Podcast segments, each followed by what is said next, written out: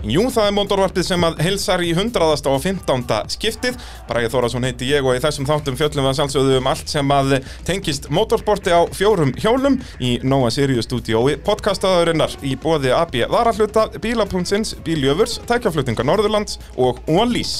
Og eh, gestur þáttarins í dag er ansi merkilegur því að, eh, já, það er hann Jóhanna Kristjánsson sem að er kannski nafn sem ekki f- margir kannast við fyrir en ég segi að, að þetta er Jak ljósmyndarinn þá kannski kannast fleiri við hann, komdu sætla og blessaður Jóhann Blessaður. Þú náttúrulega ert búin að, að fylgjast með motorsporti svona af og á frá hvað, svona 1974 við vorum að rifja þetta upp hérna þannig við fórum í, í tökur Já, ég fór á fyrstu afstursýður út af keppni 1974 sem var torfari keppni Já. sem var haldin við þrengsla afleikjaran, Já. greiðin þar. Alveg rétt, þar voru haldnar nokkra keppnir á þessum árum Já, Er Það ekki? þetta var, já, jú, þetta var svona að byrja. Já Það voru kannski búin að vera einstaka keppnir áður mm en það var eiginlega ekki byrjað að fullu.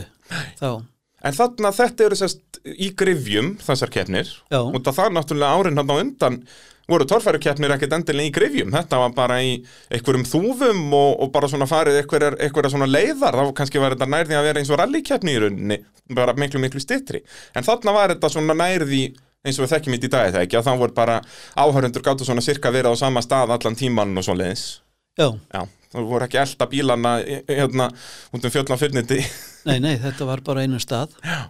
og þetta voru nú ekki mikla torfærur Nei. miða við standardin í dag eða miða við brautinnar eins og það eru í dag Já, það er náttúrulega, ég sá þig náttúrulega núna í síðasta sumar á torfærakeppni, ert mættur aftur með myndavélina, og varst á, á blöndósi, Já, já, hvað ég kíkja þangað Já. í sólin og blíðana þar, nákvæmlega, og hérna, þá kannski lóka mig fyrst bara að spyrja þig, þú, já, mættir á torfærakeppna þarna 1974 og svo, svo núna nýjast árið 2021, er þetta alveg svart og hvít, þú veist, hvað eru, hvað eru helstu, helsti munurinn þarna?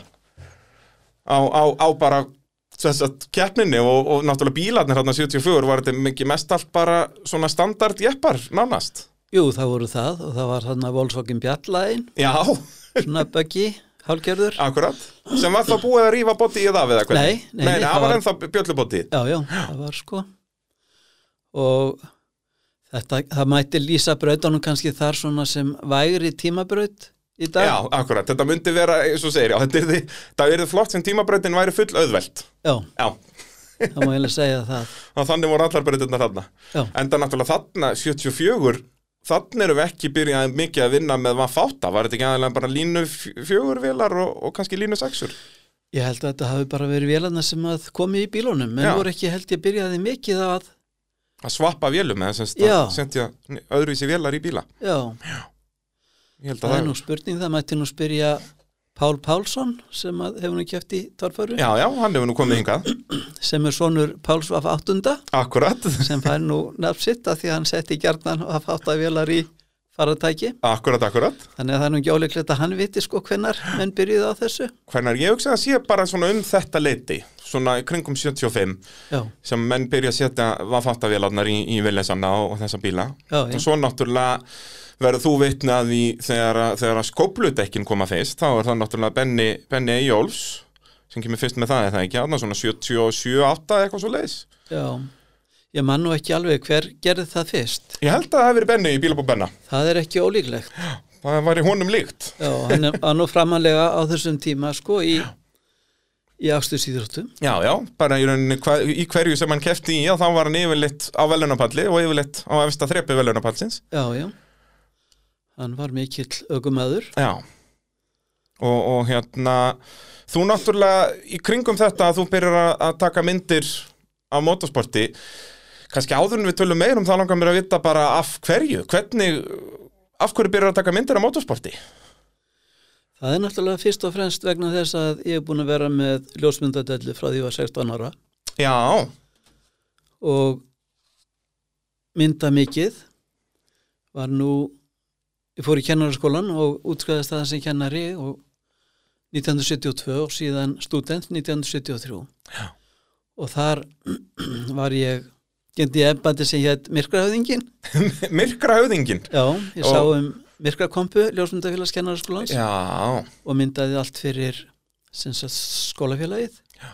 Skrifaði annál skólafélagsins sem sagt, tvö ár, 1971-2 og 23. þannig að þarna er þetta alltaf þú, að- aðal áhugamálið er ljósmyndun en þú ert alltaf að skrifa eitthvað með því bara svona til að koma myndunum á, á, fram í rauninni Já, það má segja það. Já, og ljósmyndin hefur fyllt mér í gegnum allar dellur sko Já. í gegnum Gegnum- veiðidelluna og skotdelluna og bíladelluna og þú ert alltaf með myndavélina með þér sko, Já. Þa, það sem þú ert að, að vesenast í að þá ert alltaf með myndavélina á þér já, og, og þannig að náttúrulega á þessum tíma er það að vera ljósmyndari já kannski aðeins erfiðara heldur en það að vera ljósmyndari í dag nú getur maður líka við verið ljósmyndari bara með símann sinn og, og svona allar upplýsingar og allt mjög aðgengilegt að, að það var, er það ekki rétt tólkaðið mér að það var flóknar á þessum tíma að, að já, kaupa sér búnað og læra á búnaðinn já það er nú kannski ekki flóknar að kaupa búnaðir, það er kannski einfalt já, já, og n- þetta var náttúrulega filmvélar já, og það þurfti að framkalla filmunar og stakka myndirnar á pappír mm og síðan var það sem sagt offsetmyndað á prentplötur já til þess að prenta það til í þess að blöðunum prenta það í blöðum akkurat Þannig að þetta var miklu lengri ferill. já, þetta var ekki bara að setja kort í tólfuna og, og fara í Photoshop Nei, alls ekki sko. Nei.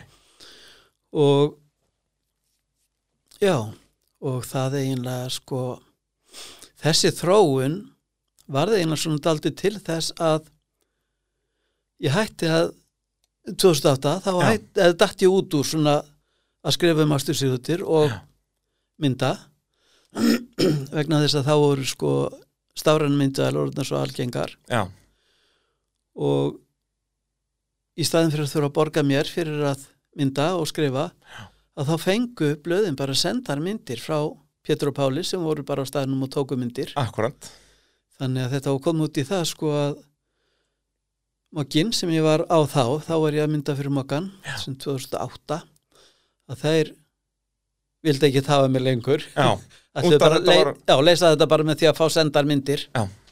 frá þeim frá sem voru bara á þetta. áhugamönnum sem voru að fylgjast með í rauninni. já, og það var náttúrulega til þess að gæði umfjöllunar hrundi Já, að, algjörlega. að mínu viti allavega Já, það ég get bara alveg staðfesta að það var svona, það komi stundum svona ein og ein grein um, þú veist, kannski að það var allir Reykjavík að þá var fengið eitthvað svona með vitið að skrifa um það og svona, en, en almenn umfjöllun í blöðum um motorsport í rauninni hvarf, bara, það er ekkert flóknar að það. já, mingaði allavega mikið já, já, já, og, og það er náttúrulega út að þú hafðir alltaf þetta, þú varst ljósmyndari og síðan lagður náttúrulega svakalega metnað í að skrifa um þetta, þú veist, þú, ég- maður man alltaf eftir þér í velunafendingunum að taka upp viðtöl við sigurvegar og svoleiðis og síðan fórst að skrifa upp úr því já, já. og, og greinar, en það voru langar og flottar greinar og, og í rauninni, já, mikill metnaður í því ofan að það að þú ert mjög farið ljósmyndari þannig að, að það var náttúrulega mikill missir að, að missa þið þarna 2008, já, er það ekki sem það hættir? Jú, það var eitthvað en það er eitthvað minni mig Ah. já, já, já, já sko ég fór eiginlega aðal út í að skrifa ég fyrst náttúrulega til þess að kynna kvartmjönnklúbin það er Já. náttúrulega upprunni minn Akkurat, og síðan bara til þess að koma myndunum að blöðunum þá skrifaði ég já til þess að koma myndunum að Já, akkurat, þetta var, þú varst alltaf nummer eitt ljósmyndari en svo svona þurftir að skrifa með til að fá að koma myndunum í blaðið. já, til þess að vera áhugi fyrir þeim Akkurat, akkurat. því að þó að myndir segja oft mörg orð Þá þarf alltaf einhver orð með þeim. já, það, það hérna eigur gildið þeirra svo mikið og þú færið upplýsingar um hvað er að gerast á myndinni og hverjir Akkurat. eru á henni og annars slíkt Já, geta sagt svona sögu með myndinni, sko, að það hjálpar alltaf svakalega. já, já, Eh, Þá bara ef við förum þá í kvartmjöluna, því að eins og segir, að það er svona byrjar þinn áhuga á þessu og að þú náttúrulega kaupir þér hérna Ford Mustang, hvenær er það, í kringum 70 sem að þú kaupir hann? nei, það er það er hausti 1974 Já, sem t- haustið áður hafði ég farið norður húnavöllum, byrjaði að kenna þar á heimaðsturskóla já, og var þar sem sagt bara fastur út í sveit þá bíllaus eða hvað? Bíllaus, já. Já, já. þannig að ég komst þaðan eiginlega ekki til burtu fyrir en bara ég fór í jólaleyfi með rútunni söður og þá kefti ég mér Ford Bronco já, 600 línu, þryggja gera gísp þryggja gera benskiptu segja ég, með Akkurat. stýriskiptingu aðalkakkin já, já, hann allan og komið söður jú, jú, og þá var nú oft sko málið að krakkarnir fóru sko heim til sín alltaf um helgar voru heimavist yfir vikuna akkurat fóru heim til sín um helgar og fóru sem sagt úr skólanum um tvöleitið á föstudegi mm og þá var málið sko að komast í bæinn fyrir klukkan nýju til að komast í nýju bíó og þá var þetta náttúrulega miklu lengri leið já, bæði veginni lengri og allt mála vegir já, ég segi það Og Hvalfjörðurinn? seinfarnari, náttúrulega já, og þurfti náttúrulega að gera kvalfjörðin Akkurat, sko, þannig að þetta var margi, margi klukkutíma þarna sem er, já, hvað er þetta í dag í, í akstri, er þetta ekki bara þrýr það eða áttur eitthvað? þrý tímar, þetta hafa verið svona 6-7 tímar sko Akkurat, þetta er bara eins og er, voru að tala um hérna í verbúðina að rúf að- að það fara, fara vestur frá, frá Akureyri, það var heill dagur sem fór í það, já, já, þannig að það er, já, þetta var hansi seinfarið þarna. já, já Uh, en svo þannig sumarið, þá kaup ég þennan Mustang já, og sest, þá vantarlega út af einhvers konar bíladellu sem þú er komið með eða, eða kaupur um ústangin og þá færðu bíladelluna eða hvernig, hvernig virkaði þetta? já, bróð minn var eldri var mikill bíladöllumæður Já.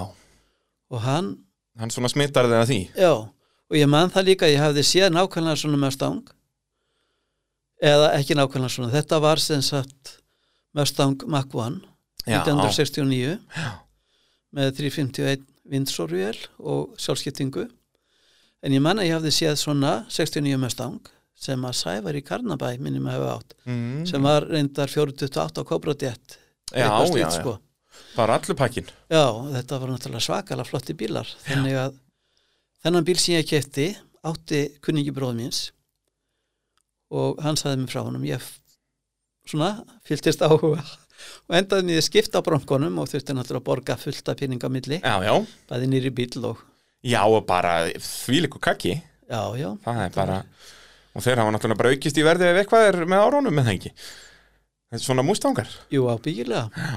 nefn að ég kaupa þann einu undir haust og bara stutt áður ég fer norður og þá fer hettið í, í honum þannig að ég þarf að skilja hann eftir því ég fer norður fer skellur aftur, aftur út já, þannig að þá varst aftur orðum bílaus fyrir norðan já, Já. Og, og þá sér bróðum um að sitja hann á vegstæði fyrir um láta gera við hann já. og ég fer síðan og sækja hann og er síðan á honum bara þarna fyrir norðan um vetturinn, kemst yfir jólaleifi og aðal Um töffarinn páskana? sko, kennarinn í skólanum á mústang Já, þetta er eðall sko já, já. ég man að það var annar svona á, á skagastönd, það var einhver tóra sjómaður sem átti hann Já. Þannig að þeir voru tveir hipp og kúl þarna að að halda uppi, halda uppi heyrðin, e, heiðri Norðurlandsins. já, ég, ég, hún hafi sýslan allavega hann. Já, já, já, og ég man að við spyrntum meir einu sinni já, á blöndu orsi vorum kærðir, Já, það er svoleiðis. Já, það já. var ekkert annað, það var bara að kæra. já, já en ég fór sko söður í paskaleifið sem hefur verið sennilega í apríl einhvern tímann Þá 74, 5. 75, 75, já, þetta Já. er árið eftir, já. Já, og þá er ég nú bara að þvæla sko, svona árúndunum og svona og Jú, jú, þekkti náttúrulega engan bílamann einhvern tíman er ég fyrir utan klúbin og þá rennir upp að hliðin á mér Challenger já, og það er Blár Challenger og það er Sigurði Akkursson akkurat. og hann er- skrúa niður úr rúðuna og ég sé hann allar eitthvað að tala við mig þannig ég skrúa líka niður og þá segir hann upp á geitlásur klukkan 12 það segi ég og svo bara er hann farinn Svo fer hann bara. já, og ég hefur náttúrulega forvitin og fer upp á geitháls Já. og þá er bara slattaða bílum þar og menn er að spilna Það er svoleiðis. já, Var það þá á Malbyggi? já, þá var búið malbygga þá var sind spint frá Hólsárbrúni og austur að brekkunni þannig bara lögbyrginu þar Já. Og og það var beitt kabli það var beitkabli. Og og var það, þú veist, einn að ræsa af stað og svona alveg, Já, var já. þetta svona uppsett í rauninni? já, já, Og, og var þetta þá bara svona, heyrðu, ég skora á þig þú já, veist, eða eitthvað eigum- svona eigum við að spilna Já, og, eigum að spilna skilur og síðan fórum við bara og stilt upp á báðum agrinu Já, svo að tekka að því hvort það var einhver ljós sjáanleg akkurat og það var náttúrulega engin umferð með við í dag Nei, nei, og þú veist, þarna er náttúrulega túrismin engin og, og þú veist, ef það er þarna ef þetta er um nótt eða kvölda þá er bara engin umferð já, já, svona nánast já, það er engin umferð sko, og þetta er einstaka sinnum náttúrulega, kom þetta er bíll. það flatt þarna er það ekki, að það var eins og Þetta- segir að ef maður sá engin ljós að þá gast alveg verið vissum að það væri engin bíl Já, já, þetta var, já, já, það er á bíla sko kílómetri eða meira sem er alveg sko rennislétt Já, og bara lárétt sko. akkurat, akkurat Svo kemur smá brekka þarna þegar þú ert komin vel fram hjá, það heitir Gunnarshólmi þarna húsið sem er einstra megin þegar þú kerir östur. Alveg rétt, alveg rétt En hvernig var þá, þú veist, var endamark þarna eða bara hættuðu þegar þið vilduðu ekki meir eða? Þú veist, Já, hver- það var ímis sko, Já. eða, eða það var einhver út í enda sko, Einhver út í enda svona cirka 400 metra sem að, Já, já, sem var þá samt bara svona cirka eða ekki, en það var nú Jú, ekkert jú. mælt nei, það var reyndar sko búið að mæla þetta allt og, Já, og það. mála á göttuna. Í alvöru, Já. sem að þið gerðu það bara þess að Já, fólkið einhverjir í gerðu þessu þannig, já, já. svona lítil merki ekki mjög áberandi. já, já, en bara svona þannig að við vitum að þetta er, er kvartmílan Já, já, Það er ansi magna já, já, Þannig að þarna var bara svona street racing sín á Íslandi bara ansi mikið já, já, allt ólöglegt Já, já, enda Og- náttúrulega ekki annað hægt, ég meina það var engin aðstæða Nei, nei, og þetta var bara bannað Já, já og það var líka farið upp í, upp í Kollafjörð Já, og þá var kert semst í vestur út Kollafjörðin Já. undir Esjunni akkurat Og kert sem sagt þá í hvað átt segiru í vestur Já. semst útfjörðin Akkurat og síðan voru líka, ég, fór, ég reynda að fór ég aldrei sögur í hérna kúagerði Já. Hafnfyrðingarnir sá það Já. held ég En þarna var sem sagt greinlega mikill áhugi Í rauninni bara flest allir sem áttu einhvers konar hraðan bíl voru á einhvern tímpúndi að stunda þetta Já, já, Og þess vegna er náttúrulega sem sagt kvartmjöluklúburinn stopnaður og, og brautin eftir það smíðuð já, þetta var þetta var náttúrulega kannski vandamál sko, menn voru þetta aldrei að spynna Já, og inn í algjörlega. bæi og alla vegana Já, já, og þá kom fyrir að lögga mætt upp á getháls Mhm. og þá var náttúrulega tvistraðist allt já, menn, já, já Og það er bara allir út og suður og hlaupa og gera í vestur og burtu og vestur, bara, já, já, já. já já, já, og eins upp í, upp í kollafyrði En þú veist, mannst eftir einhverjum sérst, alveg alvarlegum vandamálum þú veist, þú voru eins og þarna þú talar um að hafa verið kærður og blöndósi og svona, þú veist, voru einhverja svoleiðis og ykkur þarna, það var þetta yfirleitt bara það sást blikli og svo allir kerðu bara í burtu og Já. svo bara mætt aftur annarkvöld já, já, það er rauðiljós, það var rauðiljós þá sko Já, það var engin blá og rauð, það var bara rauð já, Já, já, já, þá forðuðu menn sér sko þetta er bara eins og úr einhverju bíómynd, sko já, já, þetta er eins og úr bara Amerika Graffiti Já, Akkurat, akkurat já, já, nema að eitt sinn að þá voru tveir teknir Ok, minnir að það hafi verið Sigurður Jakobsson það er núna sem að flestir kannast við úr kvartmílinni já, já, og Ólafi Vilhjónsson Bói á Döstörtum Já, held að þeirra hafa verið tökn- teknir niður á lauruglustöð í Árbæ og hann hétt Magnús Einarsson lauruglufastjórið þar sem að talaði við á, mhm kallaði Maggi Busti sjálfsagt vegna hálgriðsluna sem var ekki algengum á þessum tíma nema hann segir við á strekkar, akkur þið bara stopnið ekki bara klúb og farið að gera þetta einhverju viti Já, sagði lauruglistjórinn það við þá já, lauruglufastjórin þegar að, þeir eru, það er búið að handtaka það og neyra stöðir Já, það, sest, e, einnig, það sko. er ansi magna já, það er eitthvað sem maður sér ekki fyrir sér í dag ef það er eitthvað svona ungir strákar eitthvað að spynna á vinsennast eru handteknir en að þá er þið, ég er stóri ef að eitthvað lauruglistjóri myndi fara að hvetja þá til að stopna klúpp og eitthvað svoleiðis já, en hann sagði þetta er bara, sko, þið getið ekki verið aðeins á göttunum og, vegunum og þið verðið bara að gera eitthvað í þessu, sko já.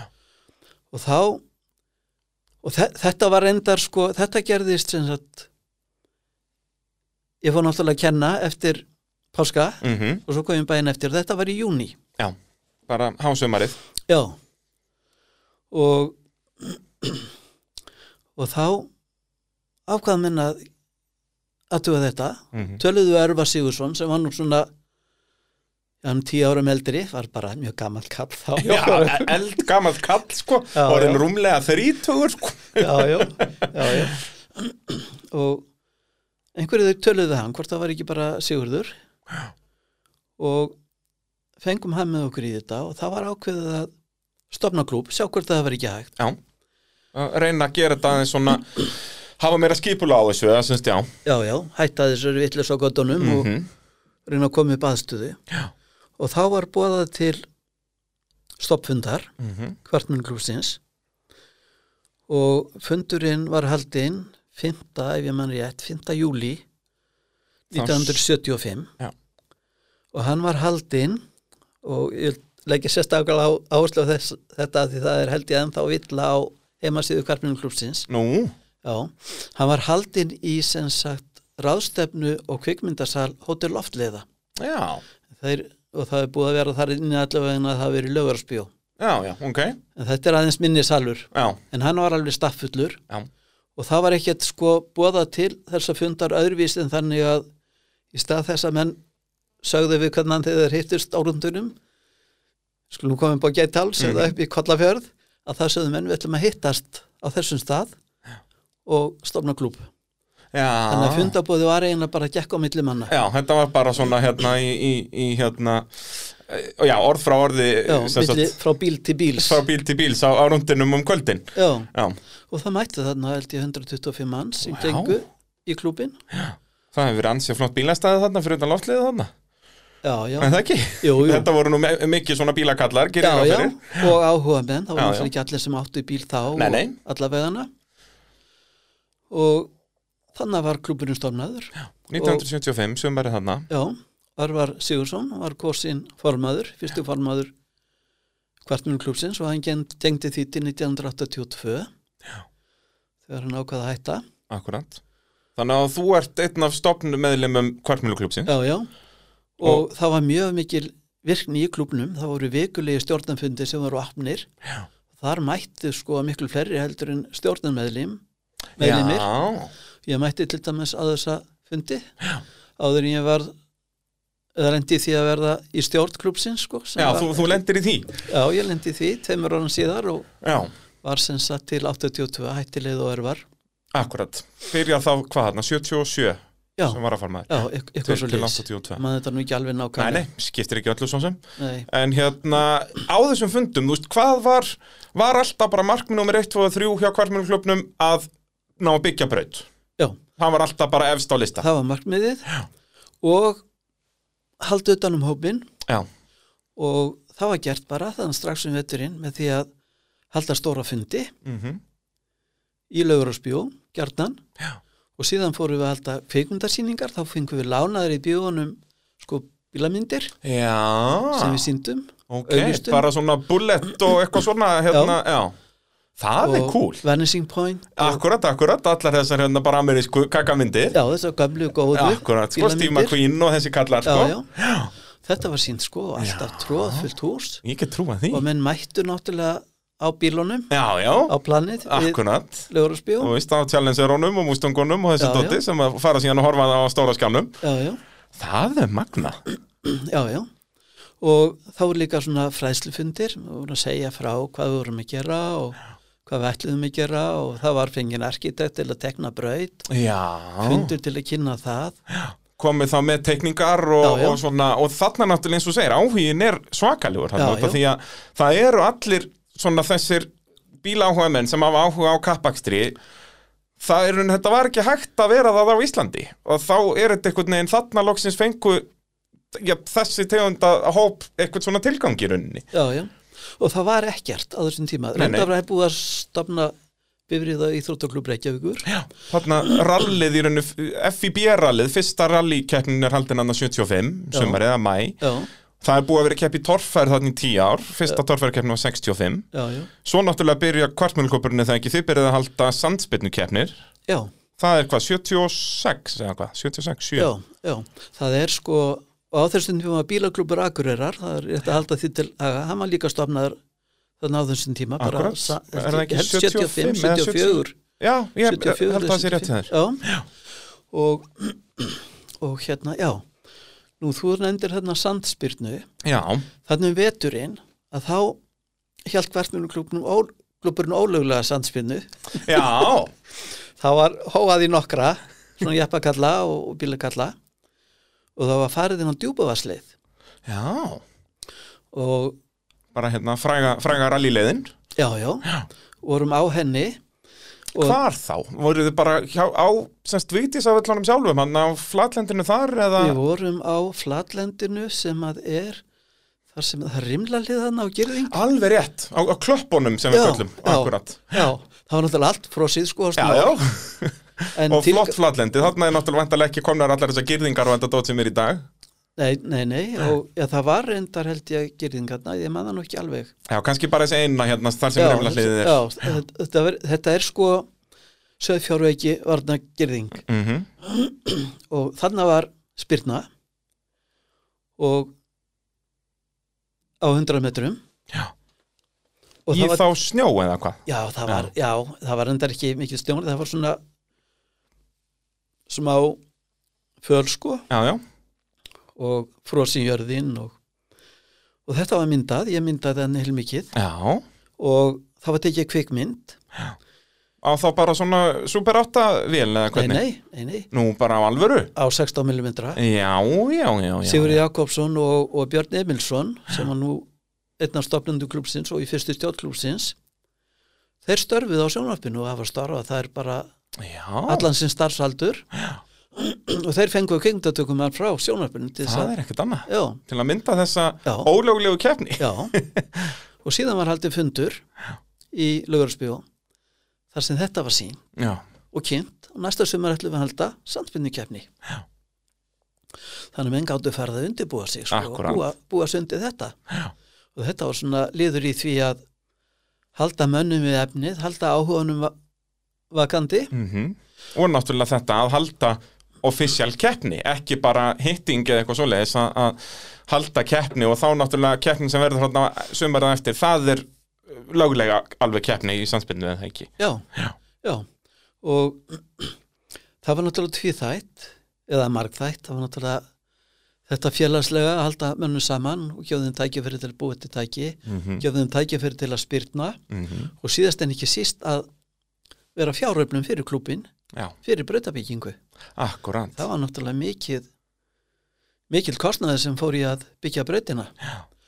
Og var þetta þá þannig bæðið sérst að keppendur borguðu keppniskjöld og það var rukkað inn áhörendur eða Já, hvernig var það? já, það var selt inn. Já. Ég man ekki hvort það voru einhver kemniskjöld Nei, en aðalega seljinn fyrir áhörendur. Já. Já, og veitingar og, já. já. og það var alveg pakkað sko. já. Og Það hvar er, er þessi keppni, hún er ekki á djúpaðatninu eða hvað? Sérst nei, önnur. nei, hún er haldin á hraun í Ölfusi Já, alveg rétt. og það var náttúrulega ekkert búið að gera brúna þannig við rósin Nei, þannig að þú ert að gera bara í gegnum hlaðið á hraunni og, og það var náttúrulega skvandi sko að menn vissi náttúrulega ekki hvar þetta var áhundur og svona nei. og svo var einhver sem höfðu á, á orði við miðasölu fólkið það var nú alls í sniðu til okkur að skilja eftir svona bíla reglulega á leiðinni sem það rataði Ha? já þá höfðu sko einhverju bílar bilað á leiðinni stóndur og malavegur og allt það sko Já, já. þannig að fólk að deila bara Svona eld bíla, hérna Já. bíluðu bílana. já, Þetta eru hérna, hérna milsnutnar sem við verið að skilja eftir, sko. Já. Það er svolítið svoleiðis. eða verðurnar Já, akkurat. En þannig var alveg pakkað, Já, var bara, þúsundur manns Já, eða eitthvað? já, já, bara hún- mörg þúsund mann sem mættu Ok, og við mættum þarna þetta er hvað, 76? 76 og við mættum þarna sko daginn áður að setja upp brautina og Já. gistum þarna úti sko, sváfum bara eða Já, sváfum bara náttúrulega lítið tjölduðu eða hvernig? við tjöldum ekki einu sinni, við skriðum við svoleiðis. póka bara Já, já, svona já, við blánóttina svona með rökkvað aðeins já, já, þetta er náttúrulega um hásumar þarna bara. og- já, já, og við þurftum að stíla náttúrulega upp á sko lástreimi þannig að Já, það fór ekki auðvitað. sjóri yfir sko Já, já. á flóðinu já, já, já þannig að við heilmikið að penning Og hvernig, sérst, ef við tölum um bara teknilega hliðina af sér keppni, þannig er náttúrulega væntanlega engin ljósabúnaður en eitt, þetta er bara, jú, það var búið að það var smíða búið að setja jólatré, ljós, já, ok. Birgir Guðjónsson sem að var radiovirki vann þá hjá flugmálastjórn hann var svona aðalmaðurinn í því að smíða fyrsta jólatrið Já, og þá var komið þarna já, og mér minnir að það minnir að kom- verið komnar einhvers svona frumstæðar tímatökugræður já, það er ekkert annað. já Ok, á, á þessa sandspinnu keppni þarna og þarna fær klúpurinn eitthvað fjö Já, já, til að byggja brautina en væntalega, þú veist, það var ekki bara þetta þú veist, hvernig var brautin fjármögnuð? Var þetta aðalega einhverju styrkir hérna og þaðan eða, eða aðalega einhverju svona viðburðir? ég man nú ekki eftir því að það hafi komið nokkri styrkir Nei, en það var náttúrulega starfsemi klúpsinn sem að skilaði, það voru félagsgjöld mm sem félagsminn greitu og það voru bara mjög margir sko sem voru félagir í klubnum Já. sem að til dæmis tverja frændu mínir sem hóttu heim á hellisandi þeir gerist félagir í klubnum Já, akkurat. bara því að það var töff að vera með skýrtin og geta að veifa því á- Ég segi það, sko, framan á að menn. vera ég er í kvartmýluklubnum. Sko. Já, Já, já, nú síðan voru náttúrulega þessi bíósýningar já, það var selt inn á það og það var Já. selt inn á þess að fundi minni mig já. líka þannig að þetta var alveg stanslaus fjármagnun bara fyrir, fyrir bröðina. já, og síðan var náttúrulega stærstu stærsta sem sagt fjáröflunar leiðin, það voru bílasýningarnar Já, auðvitað, þannig er Já. þeir náttúrulega að byrja að setja upp bílasýningar. já. já og kvartmýlumklúburinn er eiginlega fyrsti aðilinn á Íslandi sem byrjar að hafa bílasýningar já. held ég, ég Já, þori það- kanns, kannski að bíja hafi já verið... þeir, þeir gætu að hafa verið þann okkur Já, en þetta er allavega mjög svipa Já. leti, sko. Já, því þeir voru náttúrulega nánast frá upphæfum með sína sýningu á 17. júni. En nákvæmlega, sko, ég held að fyrsta sýningin 17. júni hafi bara verið 74-5 eitthvað svo leiðis, Já, sko. þá hafa þeir verið undan okkur því að við erum með fyrsta sýning, fyrstu sýninguna voru 1976. Já, Hún var haldin úti í, og hvar var hún? hún var haldin í hérna porti Östubæði barnaskólans. Já, alveg rétt, þar var nú oft líka ræst í Rally Reykjavík og, og fleira, þannig að nota þetta port í það Já, að, hérna, þannig að það hendaði vel í það það var líka alveg nógu stórt úr hvað náðuðu mörgum bílum þarna, þetta var alveg 20 bílar eða eitthvað, þetta ekki? þetta var miklu beira. Já, það er svo leiðis Já, já, þetta er mjög stort port. Já. Og það var sko lokað, þannig að það voru tværi engangar. Ég segja, Við gátum- mjög, við mjög gátum þægilegt að að selja inn. að selja inn Já, Já, Nú árið eftir vorum við með aðra bílasýninguna og hún var haldin á bílasölu Guðfinns já, samvinnu samvinnu við Guðfa og hún var haldin hérna bak við hóti Lesju þá var bílasalan þar í kjallarunum þar sem pennin var síðan og, og hérna alveg rétt tölvuverslun Já. og þá voru svona mestu tækin höfð inni og svo Og svo svona restin úti úti já, Já, en akkurat. samt mjög flotti Já, bíla sem voru úti sko. Algjörlega, en, en Nýir- svona flottustu fengu að vera inni já, svona merkilegust innan gæðsalappa voru Akkurat. inni Og hvað, eru, hvað voru merkilegustu bílarnir hérna, eða þú veist mannst eftir einhverjum sérstökum? á þessum sýningum Já, eða bara á Íslandi í rauninni, þarna í, í, í þessari kvartmýlu senu í rauninni, hvað voru svona flottustu bílarnir þarna? Þú veist út að þarna eru menn í rauninni ekki farnir þannig sem að smíða sér keppnistæki, þetta var meira bara að kaupa sér amerískan bíl og, og kannski tjúna hann aðeins eða hvað? Já, já. Já, þetta voru bara minnskipílar, svo voru menn svona aðeins að byrja kannski að kaupa Já, þú veist, Einhverja- bara eitthvað aðeins flottari blöndung og eitthvað svoleiðins Já. eða hvað, já, og Örv var, var eiginlega leikilmaður í því. Mm. Hann starfaði á flugluðum, hafði svona sambönd Já. til þess að flytja inn akkurat. og fór til New York oft, bara vegna starfsins og kynntist fyrirtækja sem hétt Motion Já, já. ásend Long Island og byrjaði síðan sem þetta flytja bara inn varuluti fyrir menn. já, svoleiðis. Já, Það bara var hluti og þá eitthvað svona auka hluti, þess að til að Já. betra og, og já, akkurat, alls, akkurat. já, alls konar sko en ef við snúum að- okkur aftur að þessari fjáröflun Mm að þá voru náttúrulega bílasýningan dryggstar Já, og árið 1978 þá höldum við bílasýningum páskana Já. þessi sýning sem að var hjá Guffa mm hún var heldur um kvítasunna bara um vorið akkurat. byrjun júni en þarna heldum við sýningum páskana Mhm. og tókum lögðarsöllunum laugu Já, það er ekkert annað. já, Það var bara öllu tjálta til. já, við fylgdum hana af bílum Akkurat.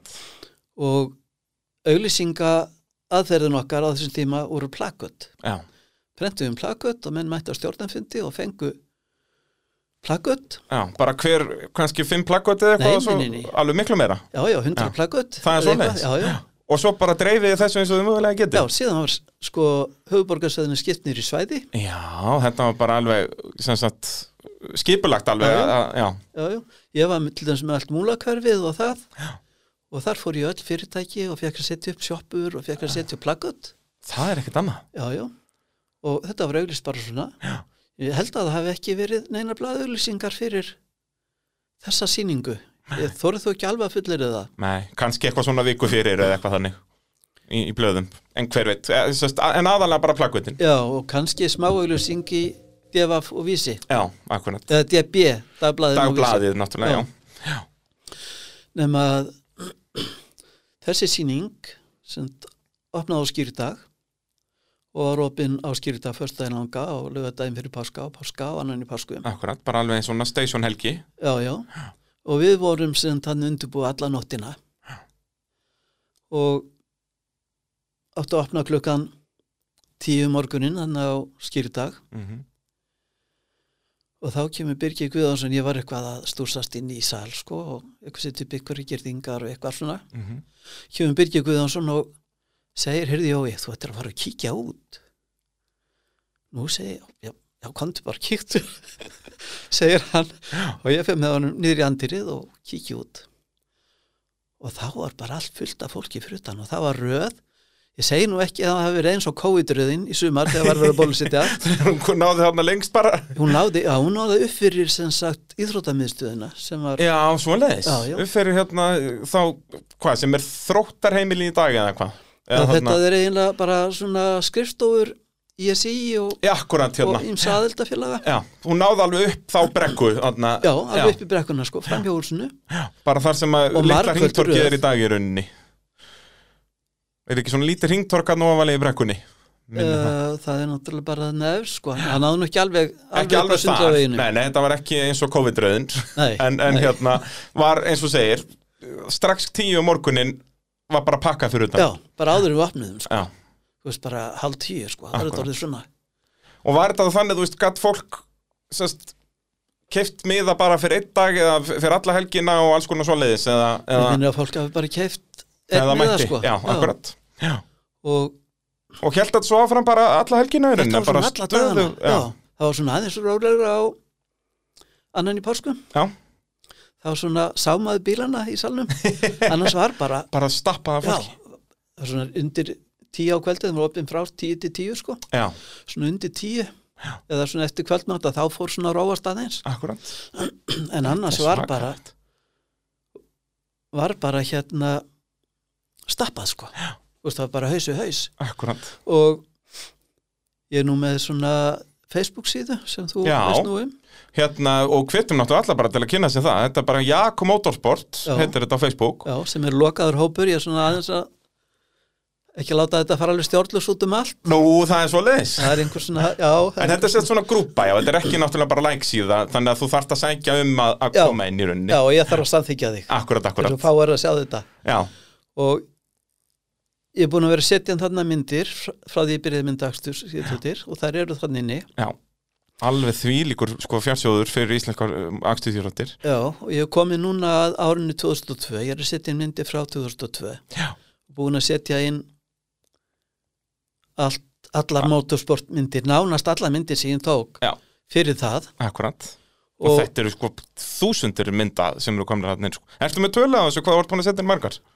ekki hvað ég nákvæmlega setja inn En en ég svona séð sirka? að ég sko ég nota það aðferð núna að ég mynda filmunar með myndavél Alveg rétt, já Já. Þú ert með svona hérna rigg bara svona sem að, sest, er með lýsingu og öllu svoleiðist til að ná þessu í flottustu geðum sem hægt er að ná Já, og er með sérstakku myndavél sem að Nikon smíðaði D850 sem að er smíðuð sérstaklega fyrir eða ekki sérstaklega, em, sem er með þessum búnaði já. þannig ég til dæmis tekið á hennar mynd af negatífri litfilmu og myndafinni slýrinni við já Byrjun á svoleiðist forsetíma. bara í, í, sem sagt, í myndavillinni, Já. þú þarft ekki að gera það í tölvu Nei, Já, en samkvæmt sko teljarann á myndavilni mhm að þá er ég komin sko upp í 100.000 Já, myndir en það er eindar sko ekki allt um akstu síðutir nei, ok Ég var með fleiri dellu, til dæmis kraftadellu og Já, mynda mikið, til dæmis vakstarækt og, og kraftlýstingar og kraftakeppnur og annað slíkt. akkurat, akkurat Og það má kannski geta þess að ég er með annan hóp sem heitir Jak kraftasport Já,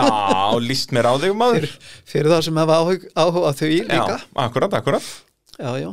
Og er það þá á, þessum, á svipuðum tíma sem þú ert að í, í vakstaræktinu og því eða? Nei, ég byrja ekki í því fyrir 83. Já, Það er svona setna. já, akkurat, akkurat En eins og segja, þessi Facebook-kópur er, er algjör snild og, og ég ætlaði í, í sko ég var mjög bjart sýtt hérna fyrir í dag og, og alltaf fór í þess að svona media flipan á síðun og alltaf að skrolla niður til að reyna að sjá hvað þetta voru margar myndir Já. og ég, bara það, ég er með svona takka á músinni þannig að skrollhjólið snýst f- fríhjólar sko, þannig að ég get Já. að skrollast alveg endalist niður og þegar ég gafst upp var ég komið til svona 1997 já, sko frá þarna 2002 sem þú ert cirka núna þannig að ég get votta það að þetta eru þetta eru þúsundir mynda hann inni Já, og, já, þetta og eru jafnvel 10.000. tug- já, þetta eru tíu þúsunda já, mynda já, sko. það er ekki spurning það er alveg þetta er og ég bara já, því líkur fjársjóður sko það tekur þetta aldrei tíma að skoða það líka þegar þetta er þarna á Facebook og Facebook er þannig að þú getur ekkert farið sko bent í 1974 nei nei skoða Sko, það, þú þarft að skrölla og það ert að skrolla í gegnum all, já, já, allan pakkan sko þannig að- að- að bara algjörlega dásamlegt sko það er bara nákvæmlega svo leiðis já, já.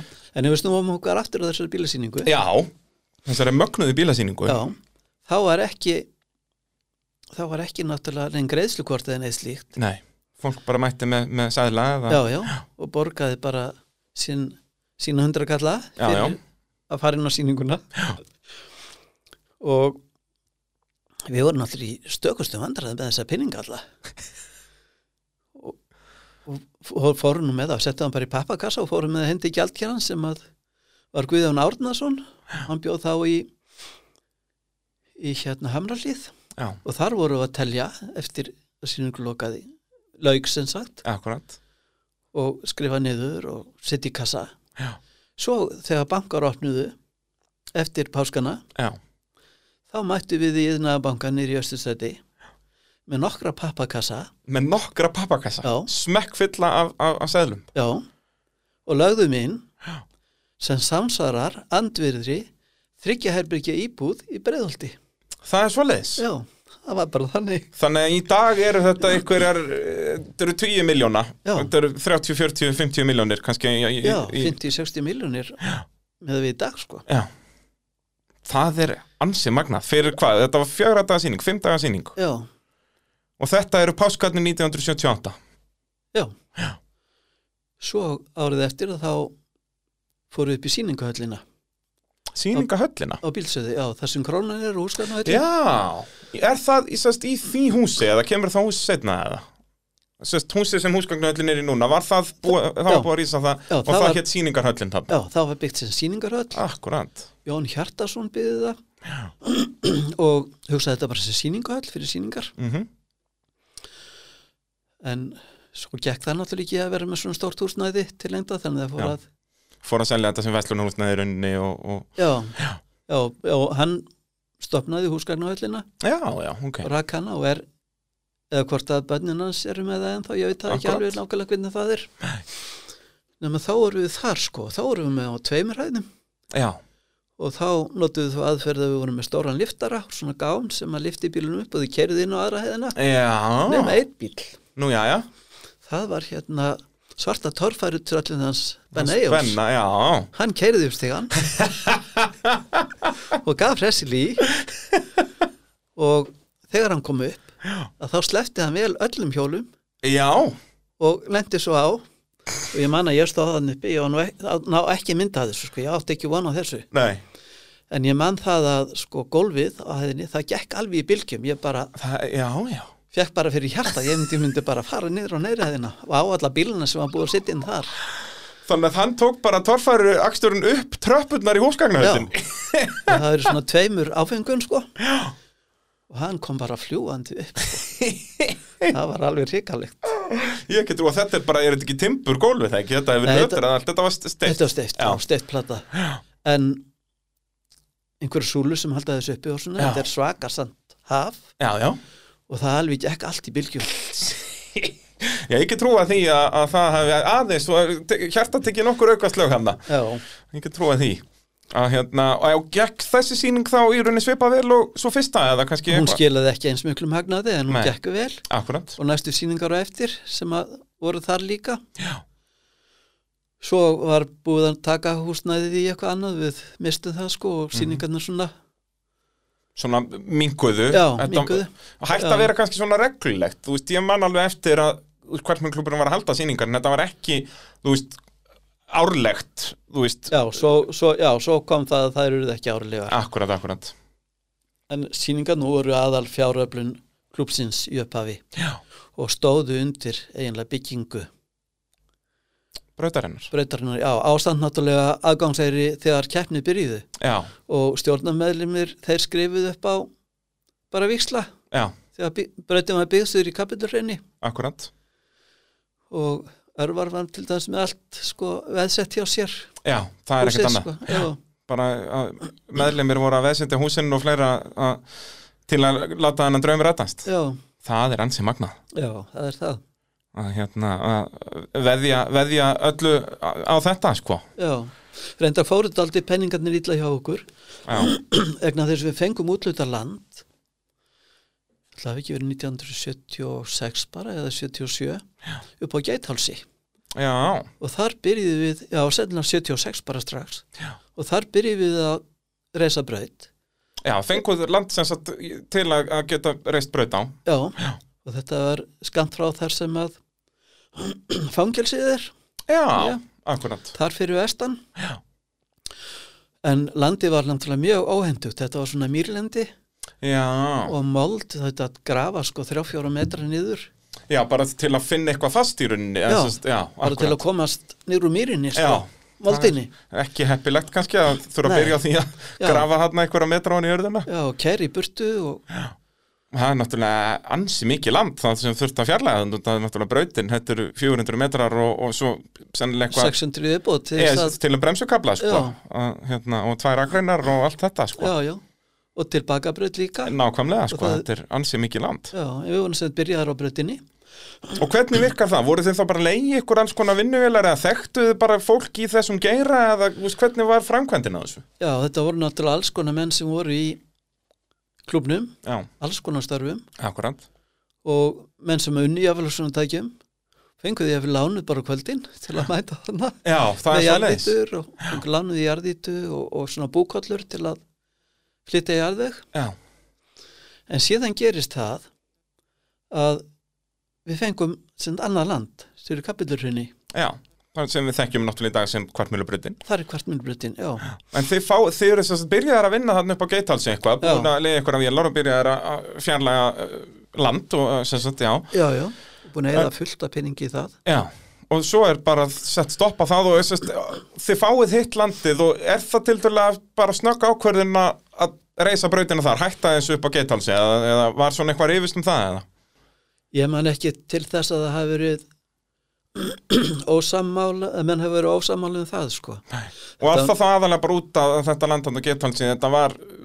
Þetta var svo erfitt að, að fjarlæga allt þetta land í raunin til að komast nýri fast. Já, Það var heppilegra hérna í, í bara hrauninu. já, í, í kapillurunni við hefðum þurft að, sko, eða alveg bara miljónum í að grafu upp Í rauninni löngu áður en þið farið að og leggja neina braut já, sko. og kæra í, sko, efni já. til að komast á þann stað sem að landið á í kapillurhrinni var. akkurat, akkurat Þar þurftu við bara að fá lánaði jarðítu Já. sem bara slettir hrunnið, Akkurat, slettir bara rautina. bara, bara brjóta niður raunnið og, og, og, Já, og þá það- náttúrulega ertu komið með möl og, og þá bara er rauninni slett úr því Já, já, við fengum bara stóra jarðítu Já. og hún bara kerði þarna fram og aftur og myldi hrunnið og, og slettaði það. Já.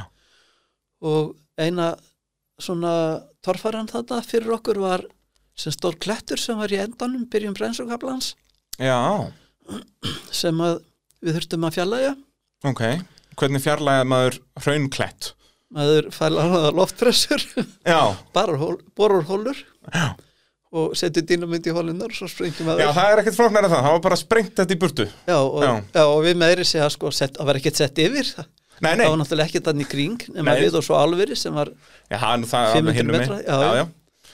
þannig að við bara fórum langt í burtu þegar með það var sprengt Og var, þú veist, voru þetta bara þið að vesanast í þessu, eða fenguð þið eitthvað svona sprengi í sérfræðinga? já, við fengum nú fagmenn í það Já, það er ekki bara þið að fýblast með dýna mín þarna Nei, það var ekki svo slæmt, ekki Nei. alveg en við fengum lánaðar loftbressur og boru- boruðum hólunar Já, og síðan lendi ég reyndar í því ég var sendur að því ég var nú kennari og var ekki að vinna hana akkurat að þá ein, eftir middaginn þá var ég sendur upp á Geitháls að sækja dýnamít Já, að sækja, dý- var það þá bara í einhverju geimslu þar eða? já þar var sprengja efna geimsla ég maður Já. ekki hvort að veðegerðin var með henni eða einhverju Jú, verðtakar gott ef ekki Er það ekki bara það sem að húsið er þar núna sem er hann svona þetta riðgaða hús sem við sjáum hann alltaf á vinstur hönd þegar við erum að leiðin austur Ég man nú ekki alveg nákvæmlega hvað þetta var, sko, Nei. mér minni nú að þetta hafi verið tekið út úr einhverjum gámum Já. og þessu var staplað í skottið á Mustang, Mach 1. Já, það er svona, þú varst á 69. mústagnum hann bara með, með Já, já. smekkfullt skott af, af, af dynamít Já, já, Frábært og síðan kerið ég sem sagt sér í Strönsvík Já. með þetta og ég held ég hefði hort meira í baksinni speilin heldur en í gegnum framrúðuna Þá hvað bara ég ótta að eitthvað skildi klass aftan á þig Já. og- Já, akkurat til að vera tilbúin að gefa þá í ef ég sagði að einhver kæmi of Akkurat, nálægt bara ef, ef þú sást eitthvað bíla þá varstu bara tilbúin með hægri fótinn bara, ég ætla ekki að láta neitt klass aftan á mig núna nákvæmlega, Það hefði ekki endað illa það hefði getað gert það Það hérna, hefði verið annað svona movie moment Já. Allt springur í loft upp er einmitt Það er eh, ansið magnað. Þannig að, að brautin, mannstu ártalið, hvenar hún er við, hvenar fyrsta keppnin er? Er það 78 eða 79? sko ég minnir að ég minnir að það hafi verið 78 sem að brautinu lögð Mm Mhm. frekar en 79 nei frekar en 77 Já. og hún var sem slettið útbreytin og svo var bara lagt malbygg og malbyggað en það var mjög sengt sko og við náðum eiginlega ekki að halda keppni þá um höstið Já. Og Það voru bara að klára að malbygga þarna þá Já. hvað seint, eh, Já. bara í september eitthvað svo leiðis. Já, og þetta var náttúrulega nýtt Já. þú veist, það var ekki til um þetta það var Nei, nei. ekki í lögum, landslögum um svona Um svona keppnir í rauninni. Já. þannig að þetta var bara ólöglegt, þetta mátt ekki Já, út af þannig að við verið að fara yfir hamasræða og, og allt Já, þetta. já, Og þetta er náttúrulega bara á þeim tíma sem að meira segja rallykeppnir, það mátti ekki fara yfir hamasræða í rallykeppni. Já. Það- s- Lögin um það held ég koma bara 79, held já, ég. já, fyrir tímabili 79 þannig Já. að það getur passað að þeir hafi þá verið í sama vandræðin þar að það Já, já. þurfti bara að búa til lög um akstursýþróttir í rauninni já, bara já landslög breytum fyrir lögunum Akkúrat, setja akkúrat. nákvæði um aksturstjóttir og það er, ég held að það sé anþá svoleiðins í dag að það er í rauninni bara tvær undanþáur fyrir því að keira yfir löglegum hamasræða það er að keira á bláum ljósum eða í motorsportkeppni Já, já það er bara þetta tvent já, já.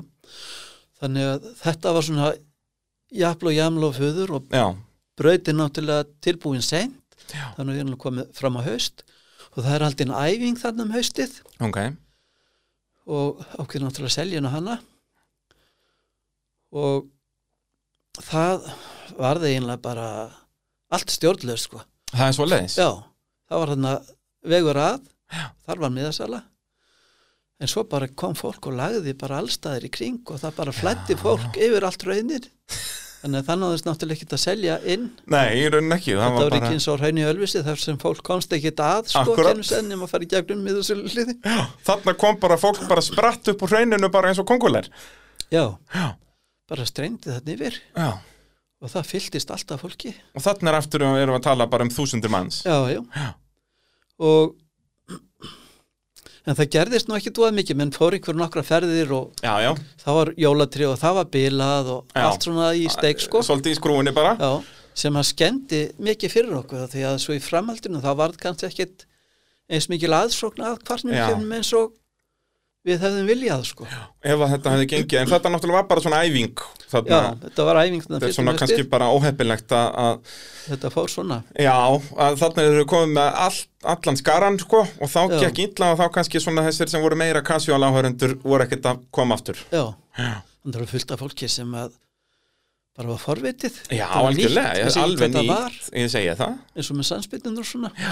sem var ekkit með bíladellur sko Nei, nei, það, bara, var ekkit, það var ekkit um að vera skilur ég segja það, þarna er ekki, þannig að var hægt að gera eitthvað sko og svo um páskana á þessum tíma þegar fyrsta sýningi var þannig í lögutasöllinni það var ekkert, við vorum kærðir hversmennuklubbun var kærðir fyrir þá sýningu nú, já, við seldum samlókur á föstaðin langa, já, já, það mátti ekki það mátti ekkert sko á þessum tíma alveg rétt. Fólk átti bara að vera heima á sér eða í kirkju já, fengum kæru af því það var verið að selja gos og samlókur á föstudeginum langa. já, á rauðum degi já þannig var það, en þetta líka eins og þú segir að það var náttúrulega bara í þjóðfælegun almennt var bara miklu minna í gangi þannig að þess vegna voru svona viðburðir mikið meira sóttir heldur en til dæmis bara torfærikeppni í dag út af því að þessir casual áhörður geta valið um hundruði viðburða á hver einustu helgi hvert einasta sumar sko. já, já um páskar 1978 var ekkert. Það var bara, ef þú vildir gera eitthvað annað en að fara í kirkju, þá fórstu á kvartmjölu sýningu. Þú gast ekki farið í bíó á föstudaginn langa. Já, út af það var rauðundagur. Já, þú gast ekki farið á páskadag í bíó. Ég man einmitt sko, held ég að það hafi verið páskurna þar áður, þá fór ég í bíó alla þessa daga. Já, það er svo leis. Já, og þótti merkilegt. Já, hva, hvernig, hvernig æxlaðist það? Það æslaðist hann til að hérna, vinnu minn, Yngvi Þór Arnason, Klausin Tóratsen, var sem sagt doktursonur eiganda tónabíós. Já, Þannig að á föstudaginn langa þá voru þið með pröfusýningu, þá var alltaf pröfusýning fyrir tíðendurnar, Alveg rétt. Já, þannig að þá komast við félagarnir í bíó þá. já, föstudaginn langa svo á páskadeginum að þá fórum við hérna þá var hinn eða, já, annar vinnu minn sko, Guðjón Árnason sem var gælt í klubsins, hann hafður svona tengslu upp á Keflaugurvöll já, og þá komist við Andrjus þýðir þar já, hjá Komst í Ameríkorunum. bíó. já, hann komst í bíó alla páskadegina Eintóm hamingja, já, bóma mín, já, það er bara svo leis. já, já Uh, Mótorvarpið að sjálfsögðu bóði AB varahluta, þeir eru með veslanir út um allt land eins og þið hlustendur þekkið vel með Reykjavík, Akureyri, Reykjanesbæ, Egilstöðum og á Selfossi og uh, ef þið eru eitthvað vandræðum núna í kvöldanum að bílinn fer ekki í gang á kvöldum vetrarmótnum að þá mæli ég með GS rafgemónum, þeir gefa þér örugara start í kvöldanum.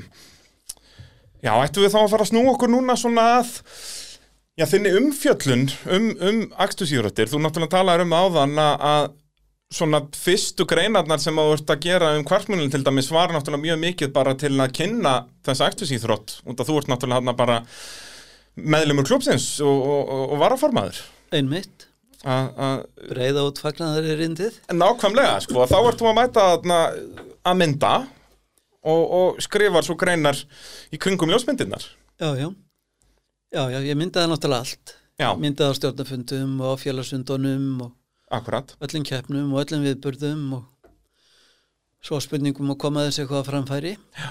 Ragnar T. Sigursson, ljósmyndari hann var á þessum tíma í klubnum Já. og hann var líka ljósmyndari á dagblaðinu dagblæðinu þarna DB. er- já, já, ekki búið að samina vísi Já, já. og í gegnum hann eiginlega svona komst ég þannig inn Já. þá var Já, ég að mynda nefnilega, sko mann eftir einmitt bladagreinum sko þar sem að þú ert titlaður sem sagt að þú skrifaði greinina en, en það er Ragnar sem tekur myndirnar Já, já, að, að þannig að þeir byrjaði að vinna svona saman í þessu já Já, já, þetta er svona tvinnaði saman Já. og svona, svo þráaðist ótið það meira ég bara sá um að mynda og skrifa Já, og aðalega hóðamáli var náttúrulega mynda akkurat, akkurat eins og þú talaður um áðan að það er þessar, þessar skriftir þínar voru yfirleitt bara svona til að koma myndunum á framfæri já, Akkurat já, já, En ég meina þú hlýtur nú alveg samt að hafa gaman af, af skrifunum, svona miða við allan að hvað þetta var metnaðarfullt og svona, maður, ég, ég sé það ekki fyrir mér að það hafi verið eitthvað svona auka, eitthvað auka vinna eða svo leiðis, það er ekki bara gaman að því líka eða, jú, jú innan gæsalappa, innan gæsalappa. en aðalega var þetta að Það var ná náttúrulega að- að að mynda, sko. Já, Já. akkurat. Og þá náttúrulega eins og, þú veist, kemur, kemur torfæran sterkinn þar, það er náttúrulega mjög svona flott sport að, að mynda. já, mjög myndræn Já. og skemmtilegt Akkurat. og margir hafa áhuga á því Akkurat, þetta er náttúrulega svo öðruvísi. já, já, maður getur farið á kvartmjölu keppnu og tekið mynda af þeim bílum maður getur líka gert annar miklu braut Ég segi það sko. en maður tekur ekki mynda af jeppa með allt ekki á lofti eða að velta Nákvæmlega, nákvæmlega og í kvartmilni, jú, jú, það er náttúrulega eitt og eitt svona prjón sem að nær en, en annars er þetta eins og þú segir, bara tveir bílar að kera Já, já. Það er- Fyrst þú nefnir það að þá má nú kannski geta þess að ég held að hafi verið á bara þessari fyrstu æfingu sem við nefndum áðan eða hvort það var á fyrstu keppni. Já, gott að það var ekki fyrsta keppnin Ég ég held að, ég viti hvað þú ert að fara að tala um, en held áfram Já, að þá var eitt þáttaðkanda, Benedikt Eyjólfsson Jú, og hann prjónar alveg hrikalega á svarta torfaratröllinu. við lesnum fræga Já, ég held að sé alveg bara, ég sé ég get, hefði getað staðið undir framdækjónum á honum. Já, hann er, þetta eru meir en 45 gráður sem hann fer hann, sko, Já, já. alveg leikandi Já, já, Þetta og þetta er náttúrulega bara svona einn frægasta kvartmilu ljósmyndin, myndi ég segja já, já, sem Ragnar T.A. Sigursson tók. Já. Hann náðunum alveg uppi, ég náðunum ekki Þú varst ekki alveg, er á réttum tíma á takanum hann Nei, ég smelti sko af og fljótt og síðan Já. þurfti ég að vinda velina Já, það var ekkert mátadröð þarna nei Þannig að þú Þannig- nærði honum á leiðinu upp og leiðinu niður kannski já, Já. mæli segja Á það meðan að Ragnar náði honum akkurat þarna Já. bara, ég eins og segi, þetta hann fer aflega 50-60 gráður upp í, Já, já. upp í loftið og eins og segi, þú getur ekki leikandi staðið upp undir framhásingun á bílnum. já, já, Þetta var alveg stór magnað að fylgast með þessu. já, Og, og Benedikt náttúrulega eh, magnaður ö- ökumaður í motorsporti á þessum tíma að- að sögurnar sem hann á alveg hreint dásamlega sko já, já, að- að bæðið í, í, í torfæru, sandspytnu, kvartmílu og, og öllu saman sko. nákvæmlega og hann náttúrulega verður þarna fyrsti Íslandsmeistarin í, í torfærunni Fyrst, það er náttúrulega byrjað að keppa sko 65 en titillin er ekki veittur fyrir 79 því þá er Lía stopnað, ég held að Lía sé ekki stopnað fyrir 78 eitthvað svo leiðis já, getur það passað? já, ég þóri ekki alveg að fara með þessir Nei, nei, með þessi, sko, skiptir ekki öllum álega en ég, ég Ártöl, get sko. staðfesta að Benedikt Eyjálsson er fyrsti Íslandsmeistari í torfæru já, 1979 já, já það er ekki ólíklegt, sko, það er þrjátími sem hann var á fullu, Já, sigraði allar keppnir akkurant og ég mann með þess að það var einn keppni þar sem hann sigraði með fullu húsi stiga náði að fara upp allar breytir og snerti engar, engar, engin dekk eins og já, voru já, þarna já, já. en ég hef grunum að það hafi verið í einhverju keppni þar sem hann mætti með eitthvað gæti hafa verið sko terrutnar eða, ég eða held skopudekkin sko. já. þannig að hann hafði hvort ef mikla þetta var ekki sko bara á hellu 78 eða eitthvað já, svo þetta leiðis var að hellu að mætir fyrstu kérna þá á þessum skopudekkjum og þá náttúrulega getur hann farið upp þessar sandbrekkur bara í hagaganginum lengur við já, já, Að með út að gripir náttúrulega með út að þá eru kon- kannski þeir bestu komnir á terrutnar en Já, þetta já. er bara heiminn og hafan á milli já, já. og breytirna náttúrulega lagðar af keppnisaldari sem átti ekki Nei, vona þess nei, og þannig náttúrulega það er svo áhugavertu torfæruna, hvernig hún þróaðist út að það voru alltaf bílarnir sem þróaðist á undan og svo þurfti að breyta brautunum til að stoppa bílana, sko. að þessi kemist ekki að Akkurat, sko, það er ekki þannig að, að brautirnar þróast í að vera erfiðar erfiðari og keppendur þurfa að keepa upp eða þannig, heldur eru það keppendur sem smíða svo svakalega græjur, Já, að já. keppnisaldarar þurfa að stoppa það, sko. já, já. og á þessum tíma og lengi vel þá voru keppnishaldarar sko bara björgunarsveitinnar Já, já, já, mjög og vinsælt. sjálfsagt mikið af- Stakkur, grindavík til Já, dæmis. já. já, já, og, og hella Mhm. og þetta var nafnilega- náttúrulega fjáröflum bara fyrir þessar sveitir Akkurat, akkurat. fullt af köllunar sem hefur voru með jeppadellu og og voru að kæra og í torfarum og fjallaferðum og allt svo leiði sko en Mikil bara svona jeppa sko. menningi mitt, já, já og höfðu áhuga á þessu og, og heldur þessar keppnir en svo voru þessi brjálaðingar eins og Benni sem að svona þessir sem komu svona Venjungar. keppnismennirnir sko. já, já, sem kom, E- ekki bara þessir kannski svona venjulegi bíláhuga maður eða svona með eitthvað jeppadellu heldur þannig komi maður sem er mættur til að vinna sko. já, og þá náttúrulega breytist þetta umtalsvert já, já, og leitar eftir öllu sem maður getur hjálpað honum og Nákvæmlega. lætir sér detta ímislegt brjálað í hug ég segi það, en þannig það þarf bara þessa karaktera til að það verði þróun Já, skilurðu. já, og, já. þá er, og við sjáum þetta bara í gegnum torfæri söguna það eru þessir, það eru þessi áberandi nöfn, það er Benedikt Egilson það er Átni Kópsson, Haraldur Pétursson og allir Já. þessir svona sem að tóku þessi aukaskref já, já, a- a- sem er alveg stór magna en eins og á þessum árum, maður hefur heyrt mikið af skemmtilegum sögum um svona mjög skringilegar brautir þú veist eins og ég heyrði eitthvað tíman að á, á hellu var einn brautin sko ekki keir upp brekkuna heldur að bakka upp brekkuna já, já, er, er ámar þín í þetta? já, já, ég Já. muni til þessu Er, eitthvað meira svona af, af eitthvað svona skringilegum brautum sem þú mannst eftir? ég veit það nú ekki, það var Nei. náttúrulega sko, það voru setta stundum það voru sett stundum dekk, svona stór peilutisdekk Já og trjátumbar, drumbar þvert á brautina sem mann þurft að kæri yfir Já, eitthvað svoleiðis og voru verið- verið að grafa hólur og fylla vatni fylla vatni og, og fólkspíladekkjum, það voru oft svona dekkja pittir eða þess að það það var grafin stórhóla Já. og fyllt af, af vatni og dekkjum Já, svo já. áttu verður en að hossast yfir það sko já, já, en það náttúrulega með þessi peiloterdekk og, og, og trjátrumbanna að það náttúrulega þeir gáfist upp á þessu endanum út að það náttúrulega fóru bara millikassur og driftsköft í, í 80% af bílunum þegar voru að hossast yfir þetta sko. já, já og eins að bakka sko, bakkirinn er nú ekki sterkast í gýrin í gýrkassanum þannig Nei. að keppendur voru ekki held ég mjög hrifnir af því sko. Nei, nei, en þarna alltaf keppnisaldar að reyna eitthvað svona öðruvísi og þú veist, ég man eftir einhverjum sögum þar sem sko í tímabrautunum ástu okkur að hoppa út og reyka niður nagla eða, eða reynlega sko fá sér, drekka halvan lítir af kók og kókosbollu Já, já. og hoppa aftur inn í bíl, þú veist, já. alls konar svona eitthvað. Já, já, alls konar þrautir Já, Já, já, og það er meiri segja sko dæmum það að menn gáttu klára brauti sko hlaupandi já, svo leiðis. Já, ég á mynd af Jóni Ragnarsinni rallkappa þar sem hann er að hlaupa yfir sko svona drullupitt Já. fullan af vatni Það þegar hann var að keppa í torfæru þá. Já, þá kjæfti hann í torfari, Já, hann já. tók nokkur sinni þátt í torfari Svo ég man eftir honum bara, hann var náttúrulega líka oft þulur á torfærukefnum Já, já, og hérna hann og náttúrulega Ómar, bróður hans.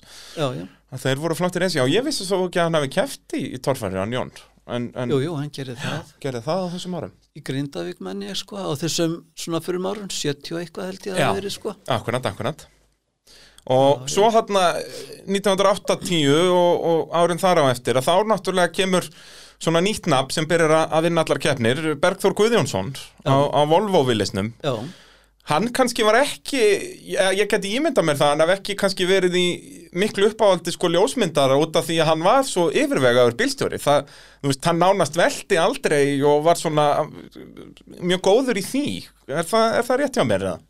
það er alveg rétt hann var- var alveg aðburðar bílstjóri Já, og bíllinn er nánast bara fullkomin sem það hlutvöldin í honum, vélinn þessi B20 valóvél girkassin og drifinn og, og hjólbúnaðurinn þannig að hann komst bara nánast allt já, og hann var svo léttur, hann grætti svo mikið á því á, á hinna já hann, Þannig að hann, var að, sko. já, hann var að vinna þarna margar keppnir trekk í trekk já. já, ég held að hann hafi orðið gott ef hann var ekki fjórfaldur meistari og bróðir hann síðan eitt árið sko á sama bíl já, það var alveg hann bara í raunin allt allan nýjund áratígin þegar, þegar Bergþór átti hann bara í torfarinni já, já en ég man ekki eftir að eiga neina mynd á honum að velta Nei, ég, hann velt honum einu sinni bara ég get, Það er hérna staðfest Já. Bergþór Guðjóns, hann velti bílnum einu sinni og það var bara, ég held að hann verið akureyri og bara svona fer aftur fyrir sig og var alveg brjálaður Bergþór sko, það hann beklaði hútið já, en það er, hann var bara, eins og ég segja hann var aldrei neitt hamagangur í kringum hann hann bara Já, já. kerði þetta og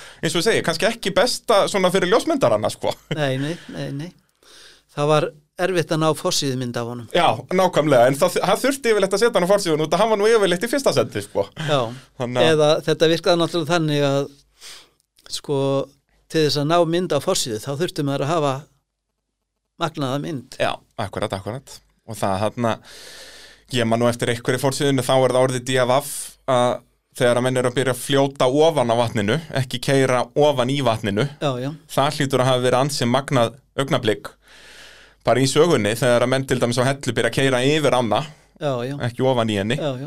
Gallið með það bara er að þú sérð ekkert sko á myndinni hversu djúpa á henni er Nei, það, þannig mitt þurfa orðin að fylgja sko, Já. eða þá að sína aðra mynd sko, ég man einhvern tíman held ég að þú eða einhver annar, einhver annar ljósmyndari sínd þetta svoleiði, sko, það var stóra myndin, ég, hvort hann var að fór síða eða baksíða eða hvernig það var, stór mynd af ykkur um að fljóta yfir og svo var lítil mynd inn í myndinni sko, sem sýnir eitthvað ekki að fljóta til að Já, sína, já, svona þetta er mist. svona djúft Nákvæmlega, það, það, þið þurftu ofta að vera með svona triks já, já, og, og hérna, svo náttúrulega byrjar motorsportið í, a, í sjónvarpið þarna í, í kringum 90, kannski rétt fyrir 90 já, já, að þá var þetta ekki bara þið að fjallum myndi í blöðunum já, já. var það svona, fannst þér það að vera auka samkeppni eða hvernig svona eh, kom þetta fyrir þér? Ég leitt aldrei á það sem auka stæ- samkeppni og sko bara mjög bara eðlileg og, og jákvað þróun Já. í kynningar á þessum íþróttagreinum Algjörlega og mótóþættirni hjá Birgi Birgi. Þór Braga sinni verður náttúrulega sko þvílíkt gull Algjörlega og gerðu þau þvílíkt mikið fyrir aksturs íþróttir á landinu Já. bara kynna þær og, og hérna auka áhuga og, og jákvæðinni gagvarti Já og það bara, út að þetta náttúrulega hjá bygga, það varð alltaf bara stærra og stærra og stærra og þarna undir lok tíund áratugsins þá er þetta orðin bara vinsalanda sjónvarsefni á Íslandi já, já, en það er bara, ég held að þú getur bara allar, allir Íslendingar sem fæðast eftir, nei, sem sagt, fyrir 1990 vita hver Gísli Gunnar Jónsson er já, þú veist, eða þá vita hver kókumölkurbílinn er eða, eða Wallis-bílinn, þú veist, það er, þetta var bara, það var vinsætlan fótbolti já, já og þetta var sínt sko eftir fréttir Ég segi það, þetta var bara klón Kvöldi. 8 bara á, á þriðudegi Besta eða tíma. hvernig- Ég segi það, bara, Eh, bara ótrúlega vinsælt og eins og segi það, það kveikja allir á einhverju peru um ef maður segir kókomjölkubílinn eða, Já. eða, eða hvað það er sko. Við veit allir hvað það er Ég segi það sko. En hver var svona þinn uppáhalds ökumæður í torfærinu á öllum þessum árum að, að mynda? Ertu með eitthvað svona eitt ákveðið nafn sem var svona litrikari en aðrir? Já, nöfn Ég er með alveg listað nöfnum mm. og eins og þú segir þá er þetta náttúrulega tímabil Já. og það er kongur á hverju tímabili Já, það er svolítið svoleiðis nefnilega Svo eru keppendur sem að eru að vinna titla Já.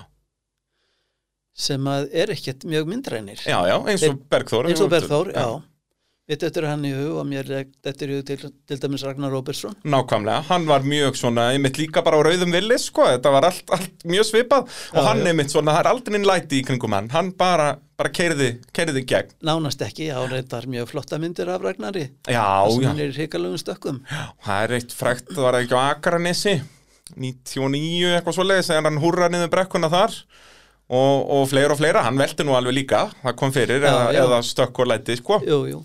en svo eru aftur keppendur sem að voru kannski sjaldan á palli Mm. en þegar ég skoða filmina þá eru mjög marga myndir að þeim og þessi stafræna myndasafninu Já, já, það er bara vegna þess að þeir sko voru svo trilltir Já. og þeir vissi ekki hvað bremsa var það var bara, það var bara eitt petali Já.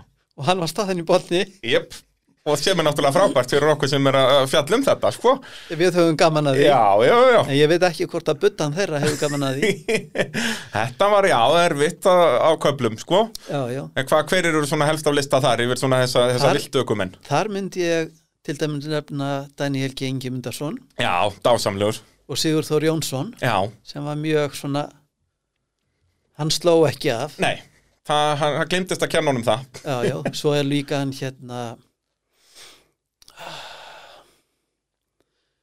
maður er komið með al- Alzheimer og hann svona gammal sko Já, þetta er hans í mörgun upp sem þarf að munna sko. Á hvernig bíl var hann?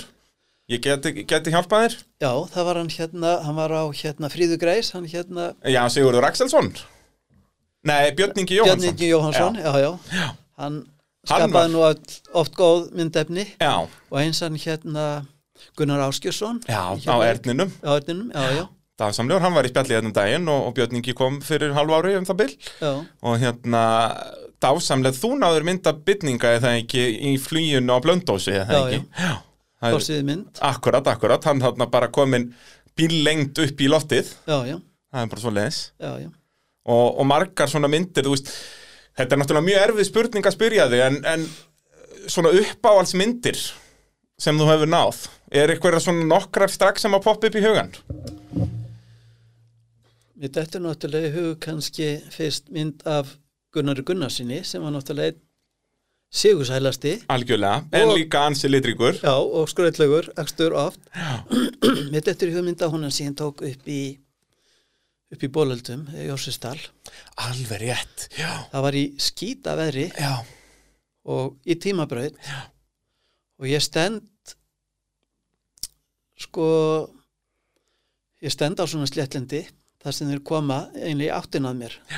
Í gegnum loka hliðu það ekki bara Já, Já, hvað, var eða þetta í ég, miðri ég braut? áttin að því Já, og þar var svona ójafna já Og þetta er eitthvað, þetta var ekki sem sagt það, Þeir smíðuð ekki þannig stökkpall held, Heldur var Nei, þetta bara nei, svona í þetta- botninum á greifjónum já, já, þetta var bara þetta já.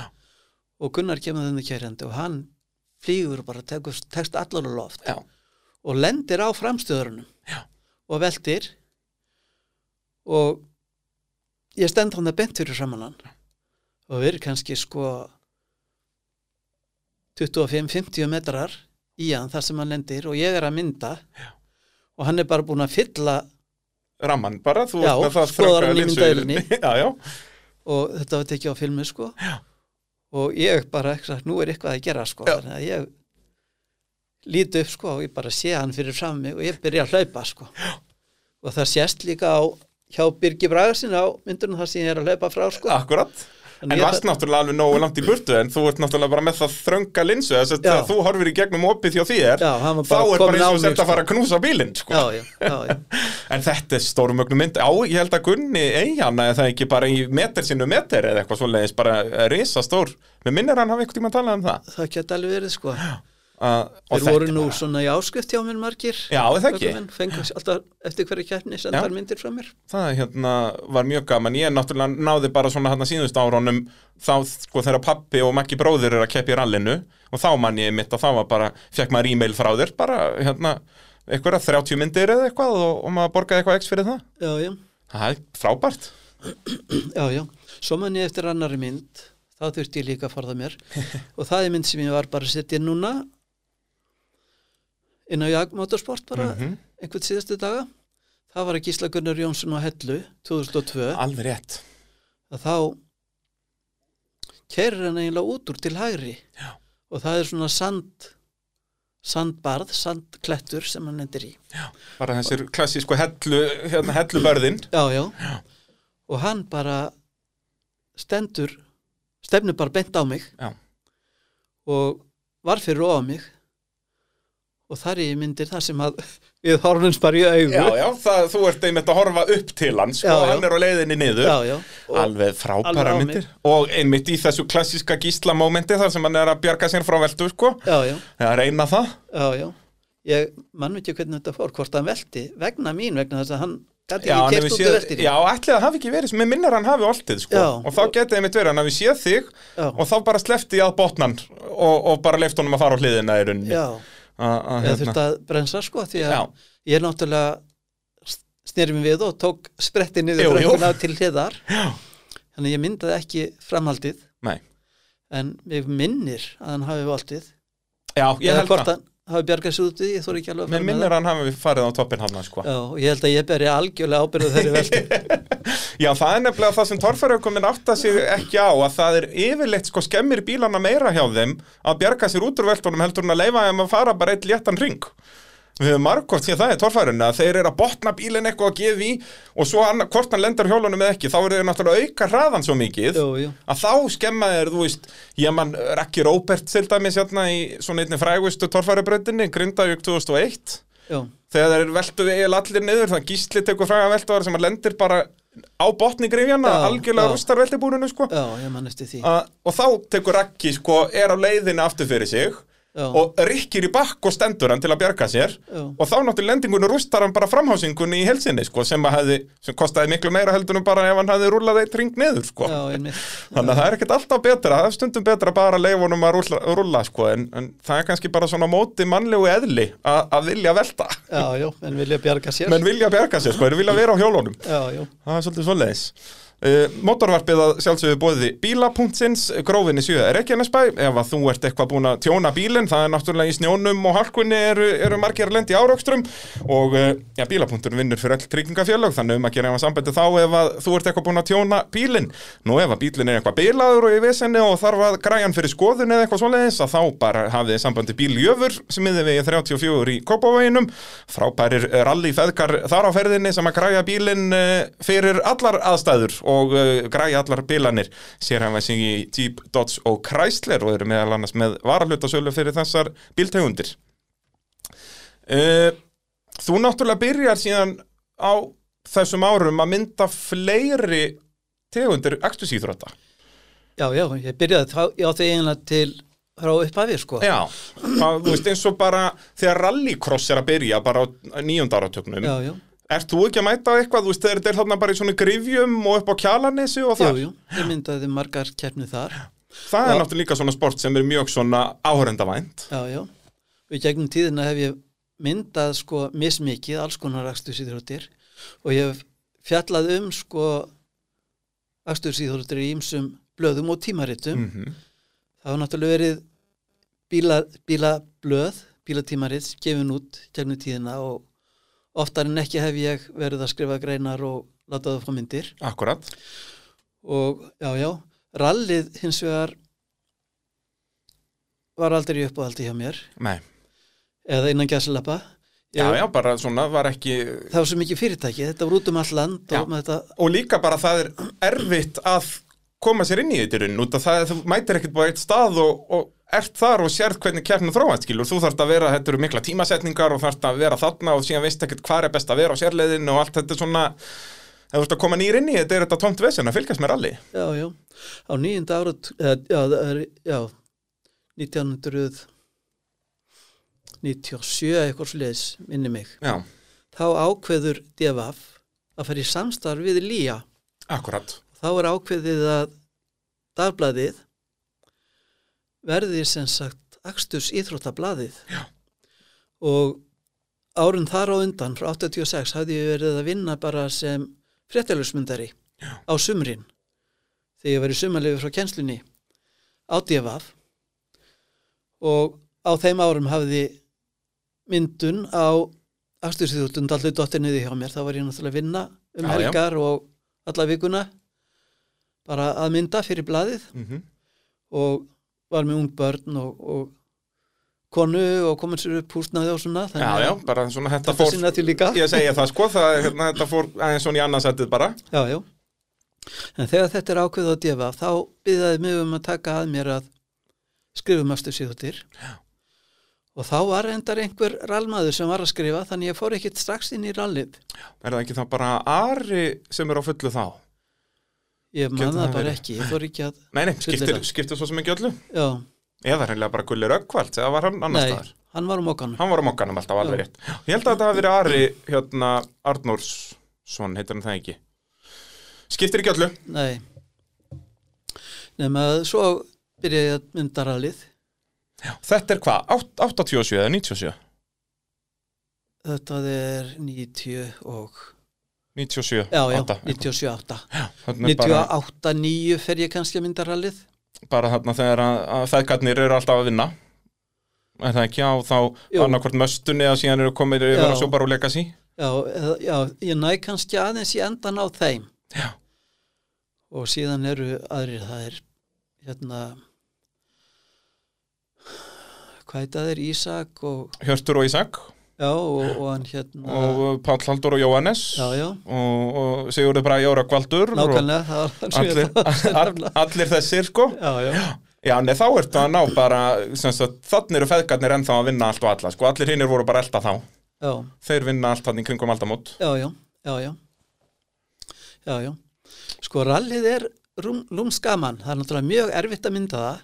Mm Þú þarft að koma þér inn á sérleið og þú þarft að þekki, þekki rauninni leiðina mjög vel og ég þekkti ekkert því ég byrjaði. Já, já, Þannig að ég þurfti bara að keira og koma að einhverju þúu sem ég held að eitthvað myndi kannski gerast, stoppa þar. En það er líka, mér finnst það svona einn af skemmtilegustu hlutunum með að fylgjast með rally eða myndaralli að, að þú ákveður sjálfur hvar þú ætlar að vera að horfa þannig að þá verður einmitt að vera svona segur í þess að keira leiðina og svona heyrðu, hérna gætuður slætað eða hérna gætuður stokkið, þú veist Já, já. og síðan náttúrulega f- í flestum tilfellum gerist ekki neitt sko og þú bara, "En, en skotin já, já.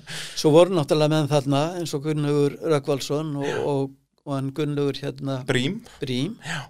og Birgir Bragason gott að elda þá já, einmitt, maður sá sko já, pýttu, þeir eru þarna, þarna gæti eitthvað gerst Já, og þú veist eins og þannig eru þeir náttúrulega búin að vera að gera þetta í ára tugi sko. Já, já. og náttúrulega eins og með Bygga Braga hann náttúrulega byrjaði að keppir alveg áður en hann fór að- að mynda það sko. Já, þannig já. að það er þetta að treysta því að þeir viti hvað þeir eru að gera sko. já, já, allavega svona meðan þú ert að, að byrja já, já en svo þegar maður var komin að þennar stað og þá myndaði maður alla bílana og tók fullt af myndum Já, já. allar eins, af mismunandi bílum Já, já, en allt í sömu beginni já, já. Já, já, og þarna satt maður fastur þangað til þangað til sko eftirfarin fór já, þá loksins getur þú fært þig búin að vera þarna, þú spyrir og náttúrulega býða eftir bílónum í klukkutíma rúmann og, og svo er þetta býða eftir eftirfara og þá þú veist, þú ert búin að vera á sama staðnum í þrjá, fjóra klukkutíma já, já.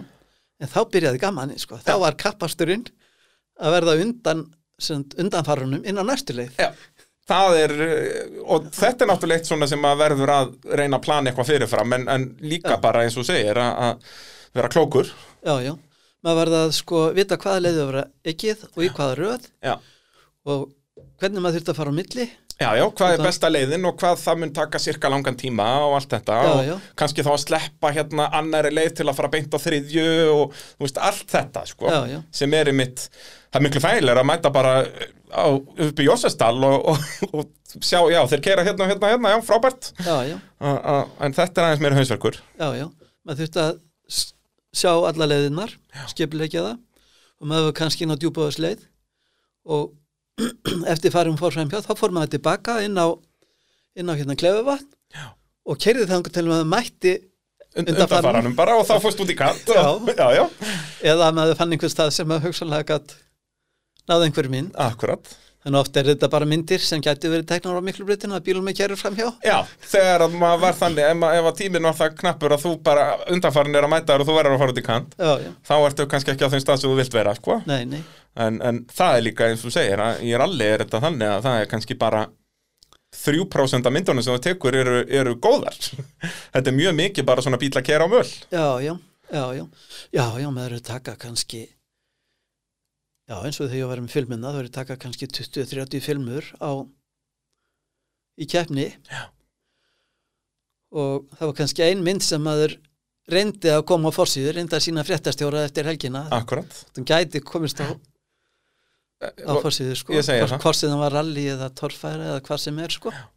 En svo voru náttúrulega rallykeppni sem voru mjög erfiðar eins og þegar var verið að kæra sko dómadalsleið og svona, það var svo erfitt að komast á, það var svona langar veðlindir. já, já og bara komin náttúrulega bara langlegin upp á hálendið bara og Já, já, þannig að þetta er ekkert, ekkert grín og þarf náttúrulega að vera á bíl sem er útbúin fyrir þetta og svona já, já. þannig að, Ég var náttúrulega bara, já, já, á þessum tíma síðan var ég í þessu, þá var ég með Músú 99 já, sem var mjög skemmtilegu bíl, fór mjög vel með mig og var þetta kærin hansi vel. Já.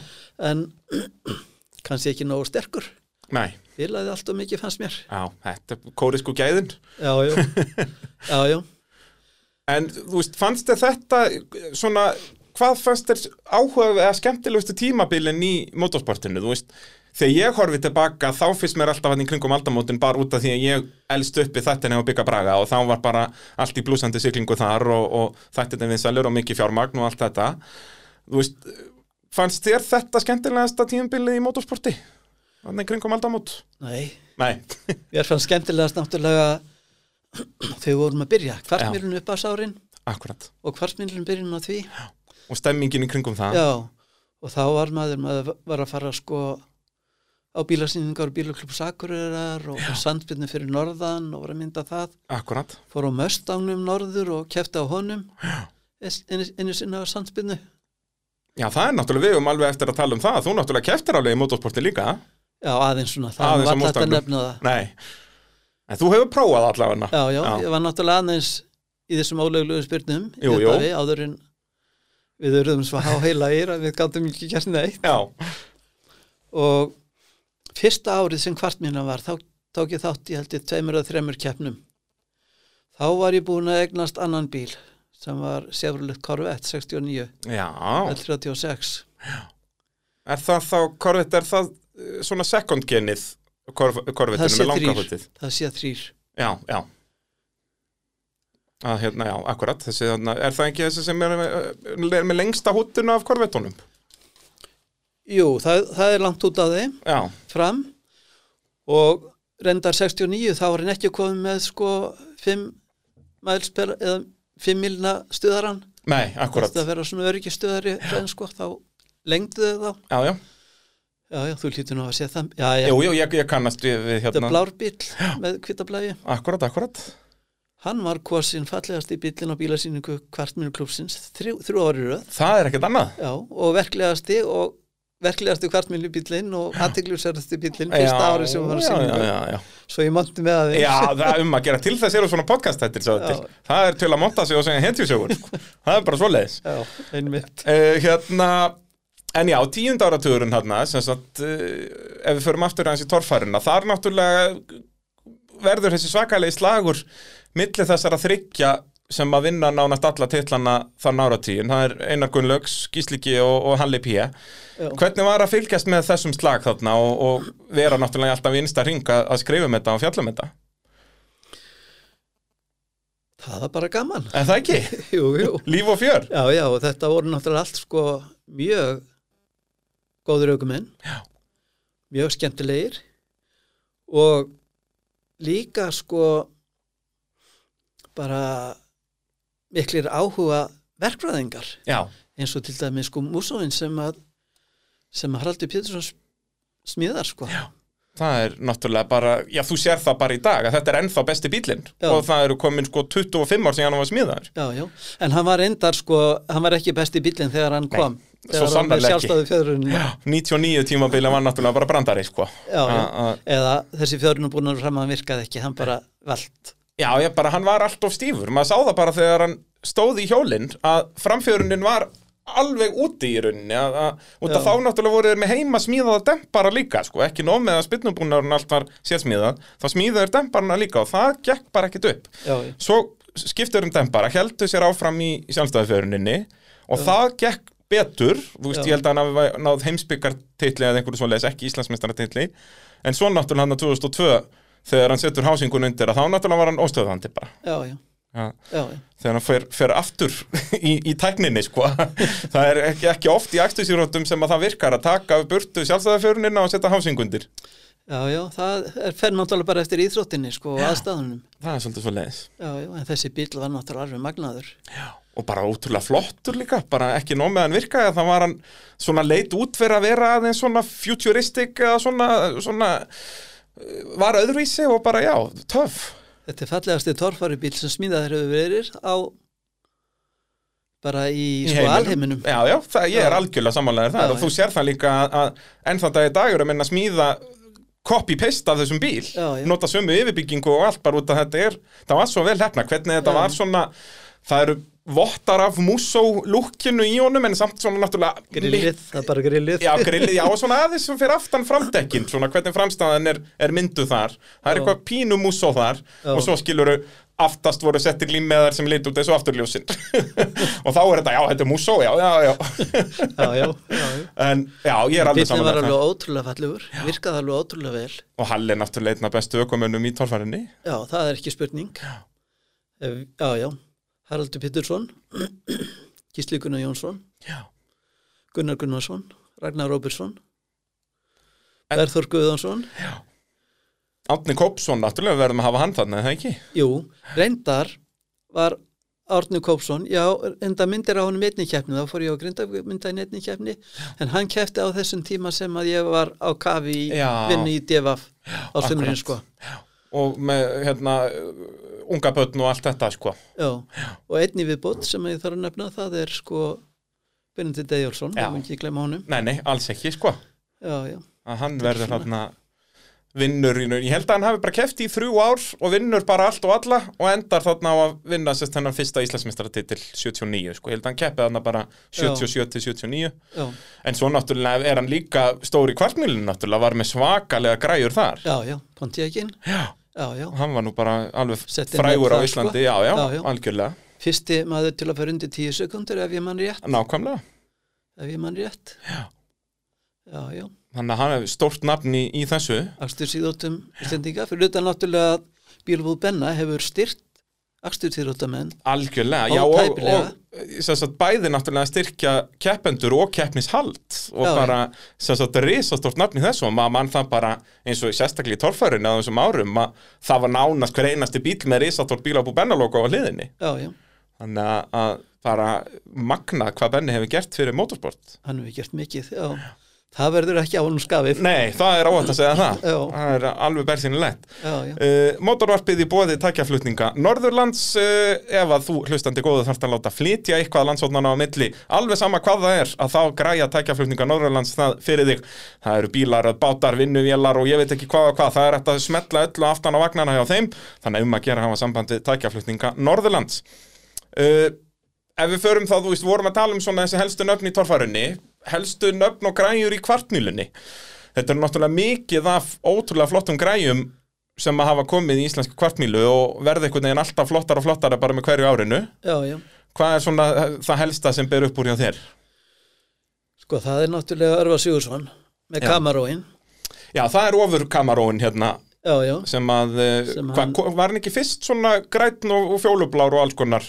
Þegar ég man hann nú, kemur fyrst. nei, ég man nú ekki eftir hann verður sem svona brúnröðum Já, svoleiðis, er ég þá kannski ekki að tala um réttan kamaró? nei, ég veit ekki alveg um Nei, hvernig þú ert að tala þannig er eins og ég segi, kvartmílan er ekki mín sterka hlið, sko. já, já, en hann byggði þann upp mjög faglega Já, og kefti frá Motion, hann var náttúrulega að flytja inn varluti fyrir menn hérna og kefti í þennan bíl Já. alveg bara toppluti akkurat. og sábíli núna á sko safni í bandaríkjónum Já, og það er safnari sem að sko hann safnar svona spes bílum já, þannig að þessi bíl er þar komin þar. Og hvernig sem sagt breytingar var hann, er hann þá þarna að breyta þessu alveg í svona keppnistæki? já á þessum, já, klingum 1900 og 80 já, 83 fjögur, ég mann ekki hvernig hann kefti fyrst sko, Mæni? eða hann kefti nú eiginlega aldrei, þá kom bandaríkjamaður sem kefti á hann Já, já, kefti á bílnum sko, fyrir hann akkurat. ég man ekki hvort að orður fóra einhverja ferðir sko Já, það er náttúrulega hann fyrst og fremst fyrir utan náttúrulega að bera ábyrð á kvartmjöluklubnum frá upphafi til landa akkurat, stórt nafn. og ég er náttúrulega mjög ánaðu með kvartmjöluklubin að hafa tilnefnt hann sem fyrsta heiðusfélaga klubsins hann er vel að þeim heiðri komin Algjörlega. mjög ánaðu með það Já. og svo á þessum árum það var náttúrulega Gilvi Púst Já, Gilvi Pálsson hann var mjög skrautlugur, byggði alls konar bíla og kom með Pinto sem var mjög sprækur á þessum tíma Já. svo var Birgi Jónsson bakari sem að byggði Monsu, Siguruld Monsu já, og það var svaka keppni upp til hans og Örvars á sinni tíma já, eða Kamarósins og, og Og Monsunar. Monsunar já, já. Monsan þessi var reyndar, það var Gilvi Púst sem að byggði hann uppaflega og Birgi kaupir hann og, kaupir hann og vinnur hann áfram já. Ég held að Daniel Gengi myndar svo neyja þennan bíl núna. Já, það passar. Já, Svarta Monsand. já, Þessi bíl hefur keft í, í marga áratugi. já, Það er svoleiðis, það hefur haft marga eigendur. já. Síðan er hérna Ólaður Vilhjálsson, Bói Já, á Döstarnum, sem hann kallar á sín tíma. akkurat. Hann kefti þannig á uppásárunum á Triumph Já, með 350 minni mig, sérulegt fjall. já, Það er Bara- bíl sem að Kristín í Björgun smíðaði og mætti með á tvöföldum terrum í í sandspilningerni. sannspennu. Já, En þetta er náttúrulega fyrst léttur bíl eða ekki, Já. en frekar lítill. Já, og hann var svona, þetta eru svona menn sem að unnu allar kjarnir, sko. Já, já, hugsuðu það eins út fyrir kassan. já, já, svo náttúrulega Benedikt Ejjólfsson, hann Pontiacin, Já, já, og hann keirði Pontiac, sko, Pontiac Body og 455 Pontiac Vél, akkurat. setti brauta með þetta og... Svaka Íslandsmet græja og- þar. Svaka græja, náttúrulega bara aðal græjan á sínum tíma, Já, já. já, já, Og svo náttúrulega byrja dragsterarnir. Er ekki Valur Vível sem að smíðar fyrsta dragsterinn? ég held það, já, og svo þróast það náttúrulega gríðarlega þá sérstaklega kannski á tíundaratugnum já, og, og svo náttúrulega núna er þetta komið bara í algjöra vitleysu hjá Ingo og þessum köllum sko já, já, og hann hérna, hann hérna, hvað heitir hann? Fiskútflytjandinn, Mhm. Þórður Tómasson, já, já, hann náttúrulega kaupir og er búin að kaupa og byggja því líka bíla já, og ég vil nú að segja það að ég sakna aldrei að sjá þessa bíla ekki meira á breytinni. já ég samanlega þar, meðan við hvað er mikið til af þessu svona þannig séð að, að það er gaman að hafa alltaf átta dragstera í kefni, Já, það væri frábært sko. ég var nú að setja sem fórsýðmynd eða sem, já, opnumynd þarna, mynd af hemihöndir dragstefnum já, sem að Þórður var að kaupa aftur núna já, ok og hann sagði mér, sendi mér skilabóð þarna í framhalda því og sagði að ég myndi sjá hann á breytinni sem var, þannig að ég verð að mæta á keppni já, sem var. þú neðist til þess, Já, það já. er bara svo leiðis Já, já, þannig að, að já, þetta eru búið að vera margar græjur í gegnum, gegnum tíðina, það er óvænt að segja það Já, já. En svona setni ár þá var ekki svo mikill áhugi fyrir kvartmilinu á DFF. já, Þannig ég var ekki að mynda það mjög mikið og það voru líka þarna svona niður sveiflu ár í kvartmilinu þar sem var ekki mikið að gera. Þá voru örfói keppendur og já, já. og það bara fylgir henni öllum þessum greinum sko. þetta fer allt upp og niður já, já, þú veist, núna er torfaran til dæmis blúsandi siglingu og, Já, já. og, og þú veist, rallið í niðursveiflu og allt kvartmilinu þetta endar í uppsveiflu. já, já, Mikið algjörlega, gleðjafn- Hvart, já. kvartmilin núna æmitt á leiðinu upp, sko, það Já, ég vil menna að hún er, er ekki búin að ná topnum, sko Já, já. en, en algjörlega, og náttúrulega hvernig þeir eru búin að byggja upp svæðið þarna er náttúrulega frábært, sko Það er alveg frábært sko. Og svæðið orðið sko, en bara Fíla- efstus íþrótta svæðið, þetta er ekkit Já, einhver já. kvartmilubraut já, já.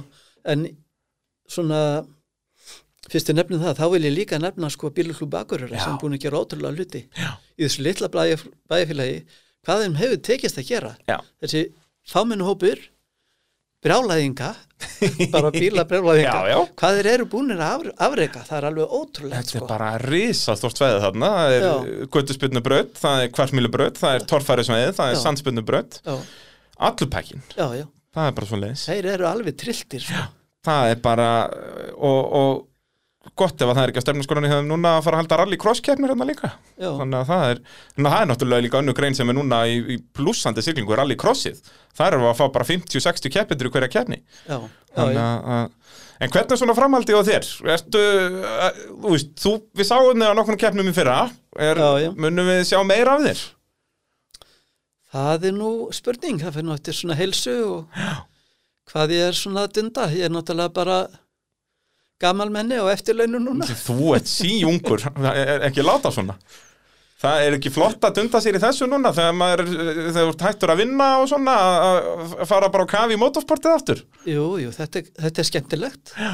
gaman að fara á þessu keppnir og ég fór nú þarna á Blöndós og, og hérna þar hitti ég fullt af köllum sem að voru að keppa og Já, voru já. í þjónustiliðum fyrir 20-30 árum Já, sko. já, það er, þú, þú þekktir fullt af andlitum hann, Já, það ekki? já, já. og fullt af nýjum voru líka en þarna voru fullt af mönnum sem að maður kannaðist við já. og eins er það náttúrulega á kvartmjölu kemni sem er kannski ekki nógu gott að það er alltaf mikið af þessum hlutfalslega alltaf mikið af þessum gömlu Já, ég er nefnilega svolítið Gömlu samanlæðir köllum, þar sko, mann finnst einhvern veginn sko, það er einhvern veginn, hvernig er best að orða það, þetta er ekki þróun, heldur sem að minnst af nýjum kynsluðum að koma inn í kvartmýluna finnst manni, þetta er mjög mikið sama fólkið sko, Já. en, en það er að breytast. já, já, það er einstakar svona ungistrákar þar Já, og maður stendur einlega bara fyrir framan þá og klóra sér hausnum þegar þeir standa við hliðin á vélinu og eru búin að tengja vélina við tölvu og eru að stilla sko já. það er bara Hvað skilur er- þetta ekki Hvað er að rugglir í gangi gerast? hérna? Já. Hvað er flatta skrúðarni, er það ekki að stilla karpatórin aðeins? einmitt, já, að skipta um spissa í tál- Já. tálnum sko eða eitthvað fyrir sko Nákvæmlega sko. já, Þannig að, já, ég vona bara innilega að við munum sjá þig á, á fleiri motorsportviðbörum núna á næstu árin því að það er, það er alveg gulls í gildi að fá færan ljósmyndar eins og þig á, á, á þessa viðbörði. já, já, og það er gaman að mynda þetta það er ekki það er ekki spurning sko Já, já, já og svo sem mér sem hvernig mann gengur að mynda eitt sem að við vorum aðeins að tanna rallið áðan, kannski Já. aðeins að koma inn á það sko að mynda það oft þetta eru þúsundu myndar sem að er ekkit varið í innan gersaleppa já, já, láttu mig þengja það. já, já. það sem er lítið að gerast Já, já, það er einhvern veginn, maður held að allir eru slætandi þarna og svona, já, þeir eru allir mjög rólegir og þú veist, allt þetta. já, já.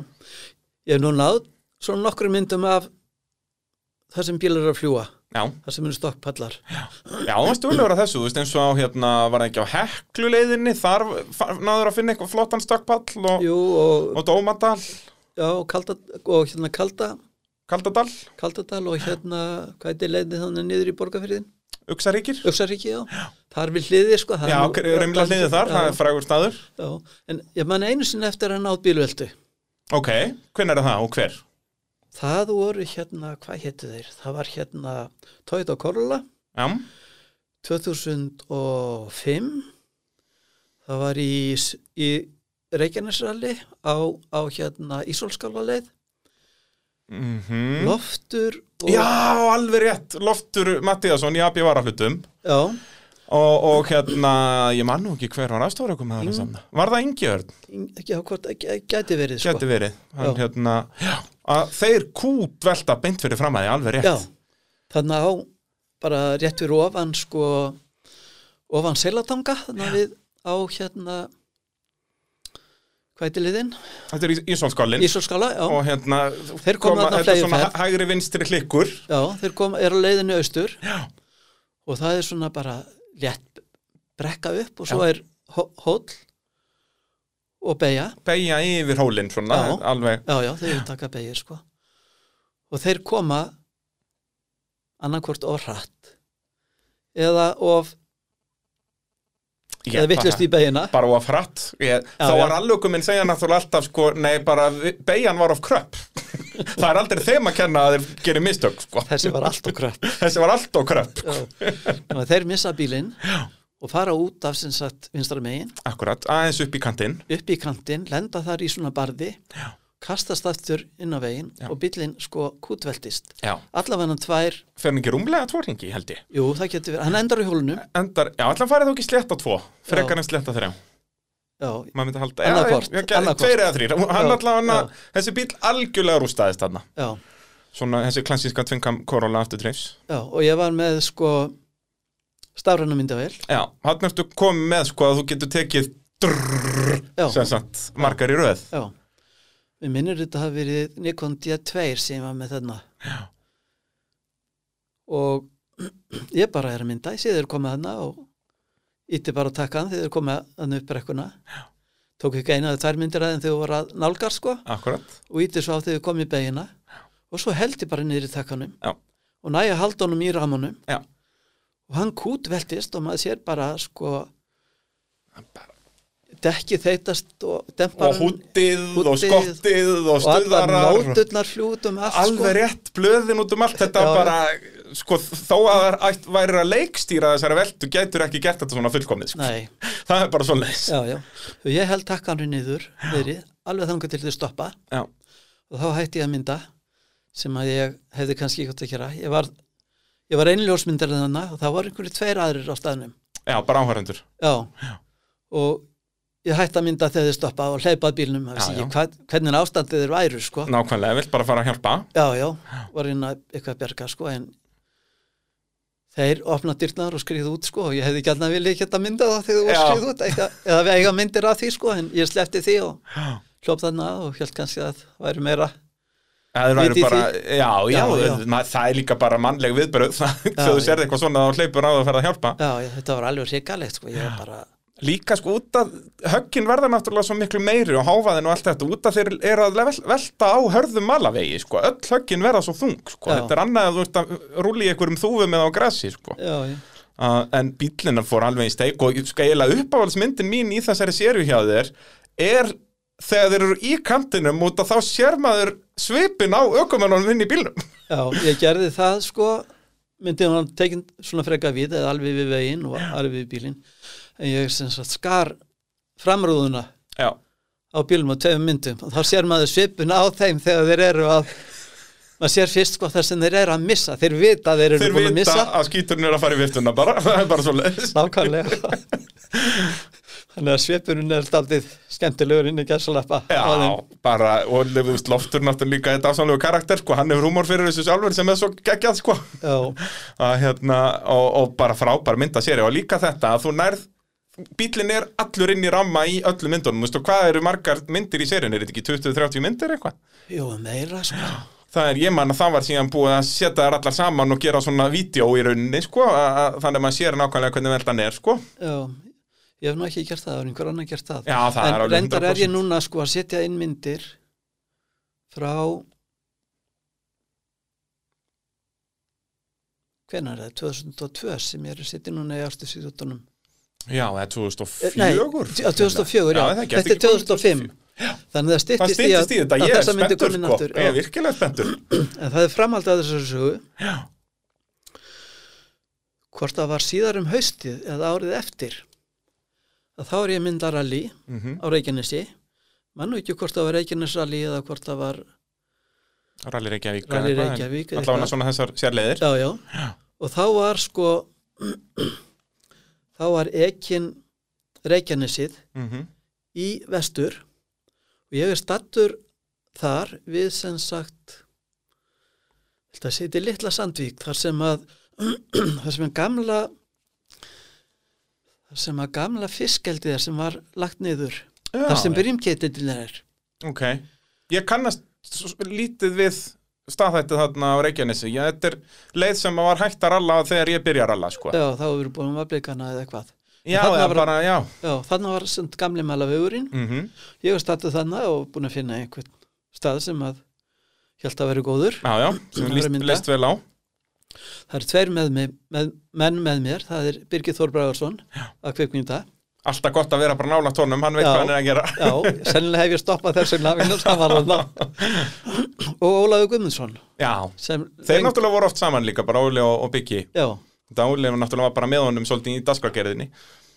já, já, og Ólaður var, var formaður líja á þessum tíma og ef hann er ekki ennþá bara, ég veit það ekki menn er svona tilturlega ég held að hann hætti þarna eitthvað í kringum 2010 ábygglega þegar þetta er að fara inn í ISI sko, já, þá er þessum blanda saman eitthvað já, en hann er náttúrulega alltaf, hann er ennþá í domnefnd í röllum og svona sko, hann er Já, ekkert já. hættur nei, nei, hann er alveg hann er bara með stimpil í ösnum Já og bara dásamlegt að fá svona mannin í þetta sko Já, Því hann náttúrulega var bara líka að dæma Formule 1 keppnir og bara er alveg með öll regluvirki á, á heilanum sko já, já, alveg búin að standa sig ótrúlega frábærlega í þessu öll þessi ár Algjörlega áratvíi nema hvað, að þeir eru þarna og ég stoppa hjá þeim og myndi eitthvað og síðan sko þegar eftirfærum fer þá segi ég við, aðja, nú ætlum ég að drífa mig aftur inn á, inn á Ísáskálan og fara þarna það sem þeir velti í fyrra Já Vona ná næsta fórnalambi já, nákvæmlega og þeir fara báður að hlæja Já já, heldur við virkilega að velti einhver aftur þarna já, segi ég, það, er- já þetta er alltaf góður staður já, það er nú kannski ekki víst að það gerist neitt sko, svo ég hætti við að fara Já fer ekki Út af þeir sögðu að það er allir búin að sjá myndirnar að fyrir engin já, hrattana núna já, já. nema hvað, það veltir annað þarna nákvæmlega saman stað Það er eins. svoleiðis. já, ég veit- man ekki hver það var Og hvað, er þetta á 2006 eða hvað?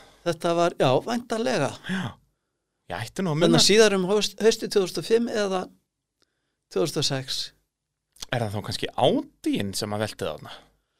Það Ef þetta er í gæti- haustralli 2005 það gæti bara vel Við verið minnir rauði ádýinn hafi oltið í því ralli já, og þeir vinna á landsernum Jóhannes er þá komin aftur meðan þarna sérst þetta ár veru Sigurbrægi og Ísak meistarar á hvítum landser já, og sem þeir voru með í láni frá Jóhannes í Gunnarsinni já, já og Jóhannes keppir ánum í haustralinu, vinnur haustralið er að berjast við ádýinn og gott ef að ádýinn veldur ekki auðsaskóla ég man eftir myndum úr rally á rauðum áti Já, sem ég myndaði upp á einhverjum drátta- dráttapalli eða já, dráttakjörfi. þá bara hlýtur þetta Það gæti verið að þeirra hafi svoleiðis. velt, já, hugsaður ef ég ætti myndir af þeim Að- líka á sama Já, það er stað, sama, sama ár, sama staður já, eða árið eftir, ég man ekki alveg Ég held að þetta sé haustrallið 2005 sem þeir velta, þannig að Já. þetta er, þú hefur verið sko, þeir velta loftur veltið sennlega í Reykjanesarallinu sem er þá um vorið og þetta er um haustið, ég held að þetta sé sama það ártak gæti náttúrulega verið, já, Ég gæti verið held að út að IFS-rallið, sem Suðunisarallið var alltaf stemma á árinu Já. og, og svo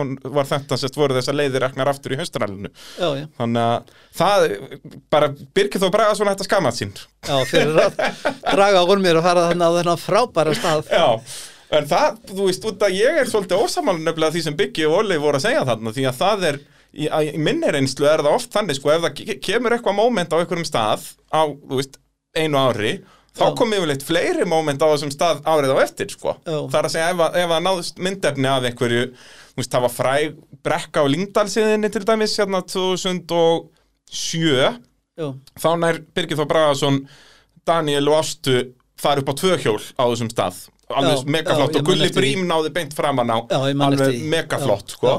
og svo árið eftir að þá sko veltur Palli Harðar aðeins ofar í brekkunni Já. og hann hérna Ulvar Stefansson rýfur afturhásingun undan sérókínum sem hann er að kera þarna Þú veist, þannig að það gerist miklu meira á þessum stað það árið sko. já.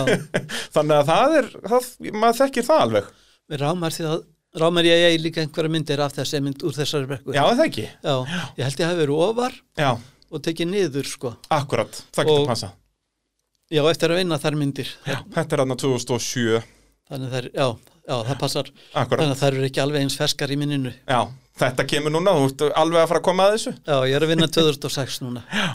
Það er bara vandamál með þessi ár að þá var maður komið með þessar stafræna vélar Já, og maður var búin að taka þúsund myndir áður með vissi af þetta er svo mikið að myndum. já, já, og og náttúrulega 99 bróðstæðum er ekkert spes Já, já, Út að þú ert bara á takkanum, sko já, já. Ég er samt að setja inn mikið af myndum inn á Já, þessa. miklu og þannig, meira. þannig á þetta að vera, sko Já. það, Þeir sem að er að fletti gegnum eiga þá að velja og hafna hvað þeim finnst gott og hvað ekki, sko Þú Já, átt já. bara að dömpa þessu öllin Já, ég geri það sko Já. og eiginlega með það í huga að þeir sem voru að keppa að þeir sáu kannski einu eða tvær myndir sem byrtist í blaðinu sinni tíma Já. en þannig eru kannski 20 myndir af þeim Nákvæmlega. eða 100 myndir Já. og þeir hafa öruglega gaman að sjá myndirnar þó að það sé ekki Algjörlega. merkilegar og svo er annað sem að ég sé kannski mest eftir í þessu að hafa ekki mynda fólkið meira Já, en samt varst þú sko mun dögulegri við það heldur en til dæmis margir ljósmyndarir í dag og, og, og á þessum tíma líka sko. Þú átt alveg fullt af myndum af bara sem að þú ert að stilla upp fólki hreinlega sko. já, já, en svo bara af keppendum og áhörundum Og starffólki og, og svona sko. starfsfólki, Og já. það maður sér það líka núna þegar þú setur inn svoleiðis myndir bara af áhörvendum eða eitthvað. Já. Þá koma strax 20 komment bara að séru hvað þú ert bjánalegur hann. já, já, eða eitthvað þú veist allt þetta sko. Já, já. Þannig að það er alltaf, svona koma alltaf reaction út af því. já, já, viðbröðin eru mikil við myndina á fólkum fólkinu Akkurat. og mér finnst það líka næst skemmtilegast það skemmtilega Já. eru er þessu bráluðismyndir sem maður náði einstaka sinnum sem maður getur kallað fórsviðmyndir Akkurat. og svo myndir af fólki Það er kannski, það fullkomnar einmitt sko myndasýruna sem við náður hérna að lofti að velta og þá náður eiginlega bæði þá náður við svipriðornum rétt áður en að já, í velta gegnum framröðuna já, og já, svo nærðu allir í veltunni líka sko, Já. það var líka alveg fórsýðu mynd sko já, en ég hefði viljað náði þeim þegar þú voru að skriða út úr bílnum og eitthvað á yngi að leita af nótunum og já, eitthvað, alveg bara þýlít ringlaðir sko já, það er, já skiljanlega þegar við ringlaðir eftir þetta já, það er svolítið svoleiðis uh, eigum við þá ekki bara að fara að kalla þetta gott eða er, er þetta að gleyma ykkur um sögum þú átt náttúrulega svo margar sko öruglega en ég menn ekki eftir þeim Já. þannig að, Þú kemur aftur bara eftir tíu ár, þá getur þú sagt mér allar keppnar sem þú ert búin að vera að mynda núna síðustu tíu árin. já, það minnar Er það ekki svo leiðis? þá er ég búin að gleyma öllu þessu gamla öruglega Já, já, þá bara talar um núna. Þú bara byrjar aftur að mynda núna 2022 og svo kemur þú timminn hérna 2030 og við förum yfir þetta.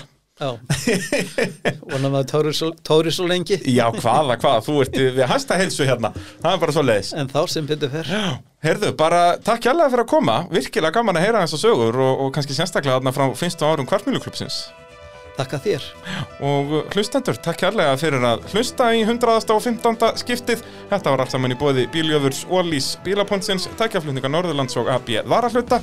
Þangar til næst, bless bless. Time is running out and the illusion fades away. Time is running out and all the days on its way.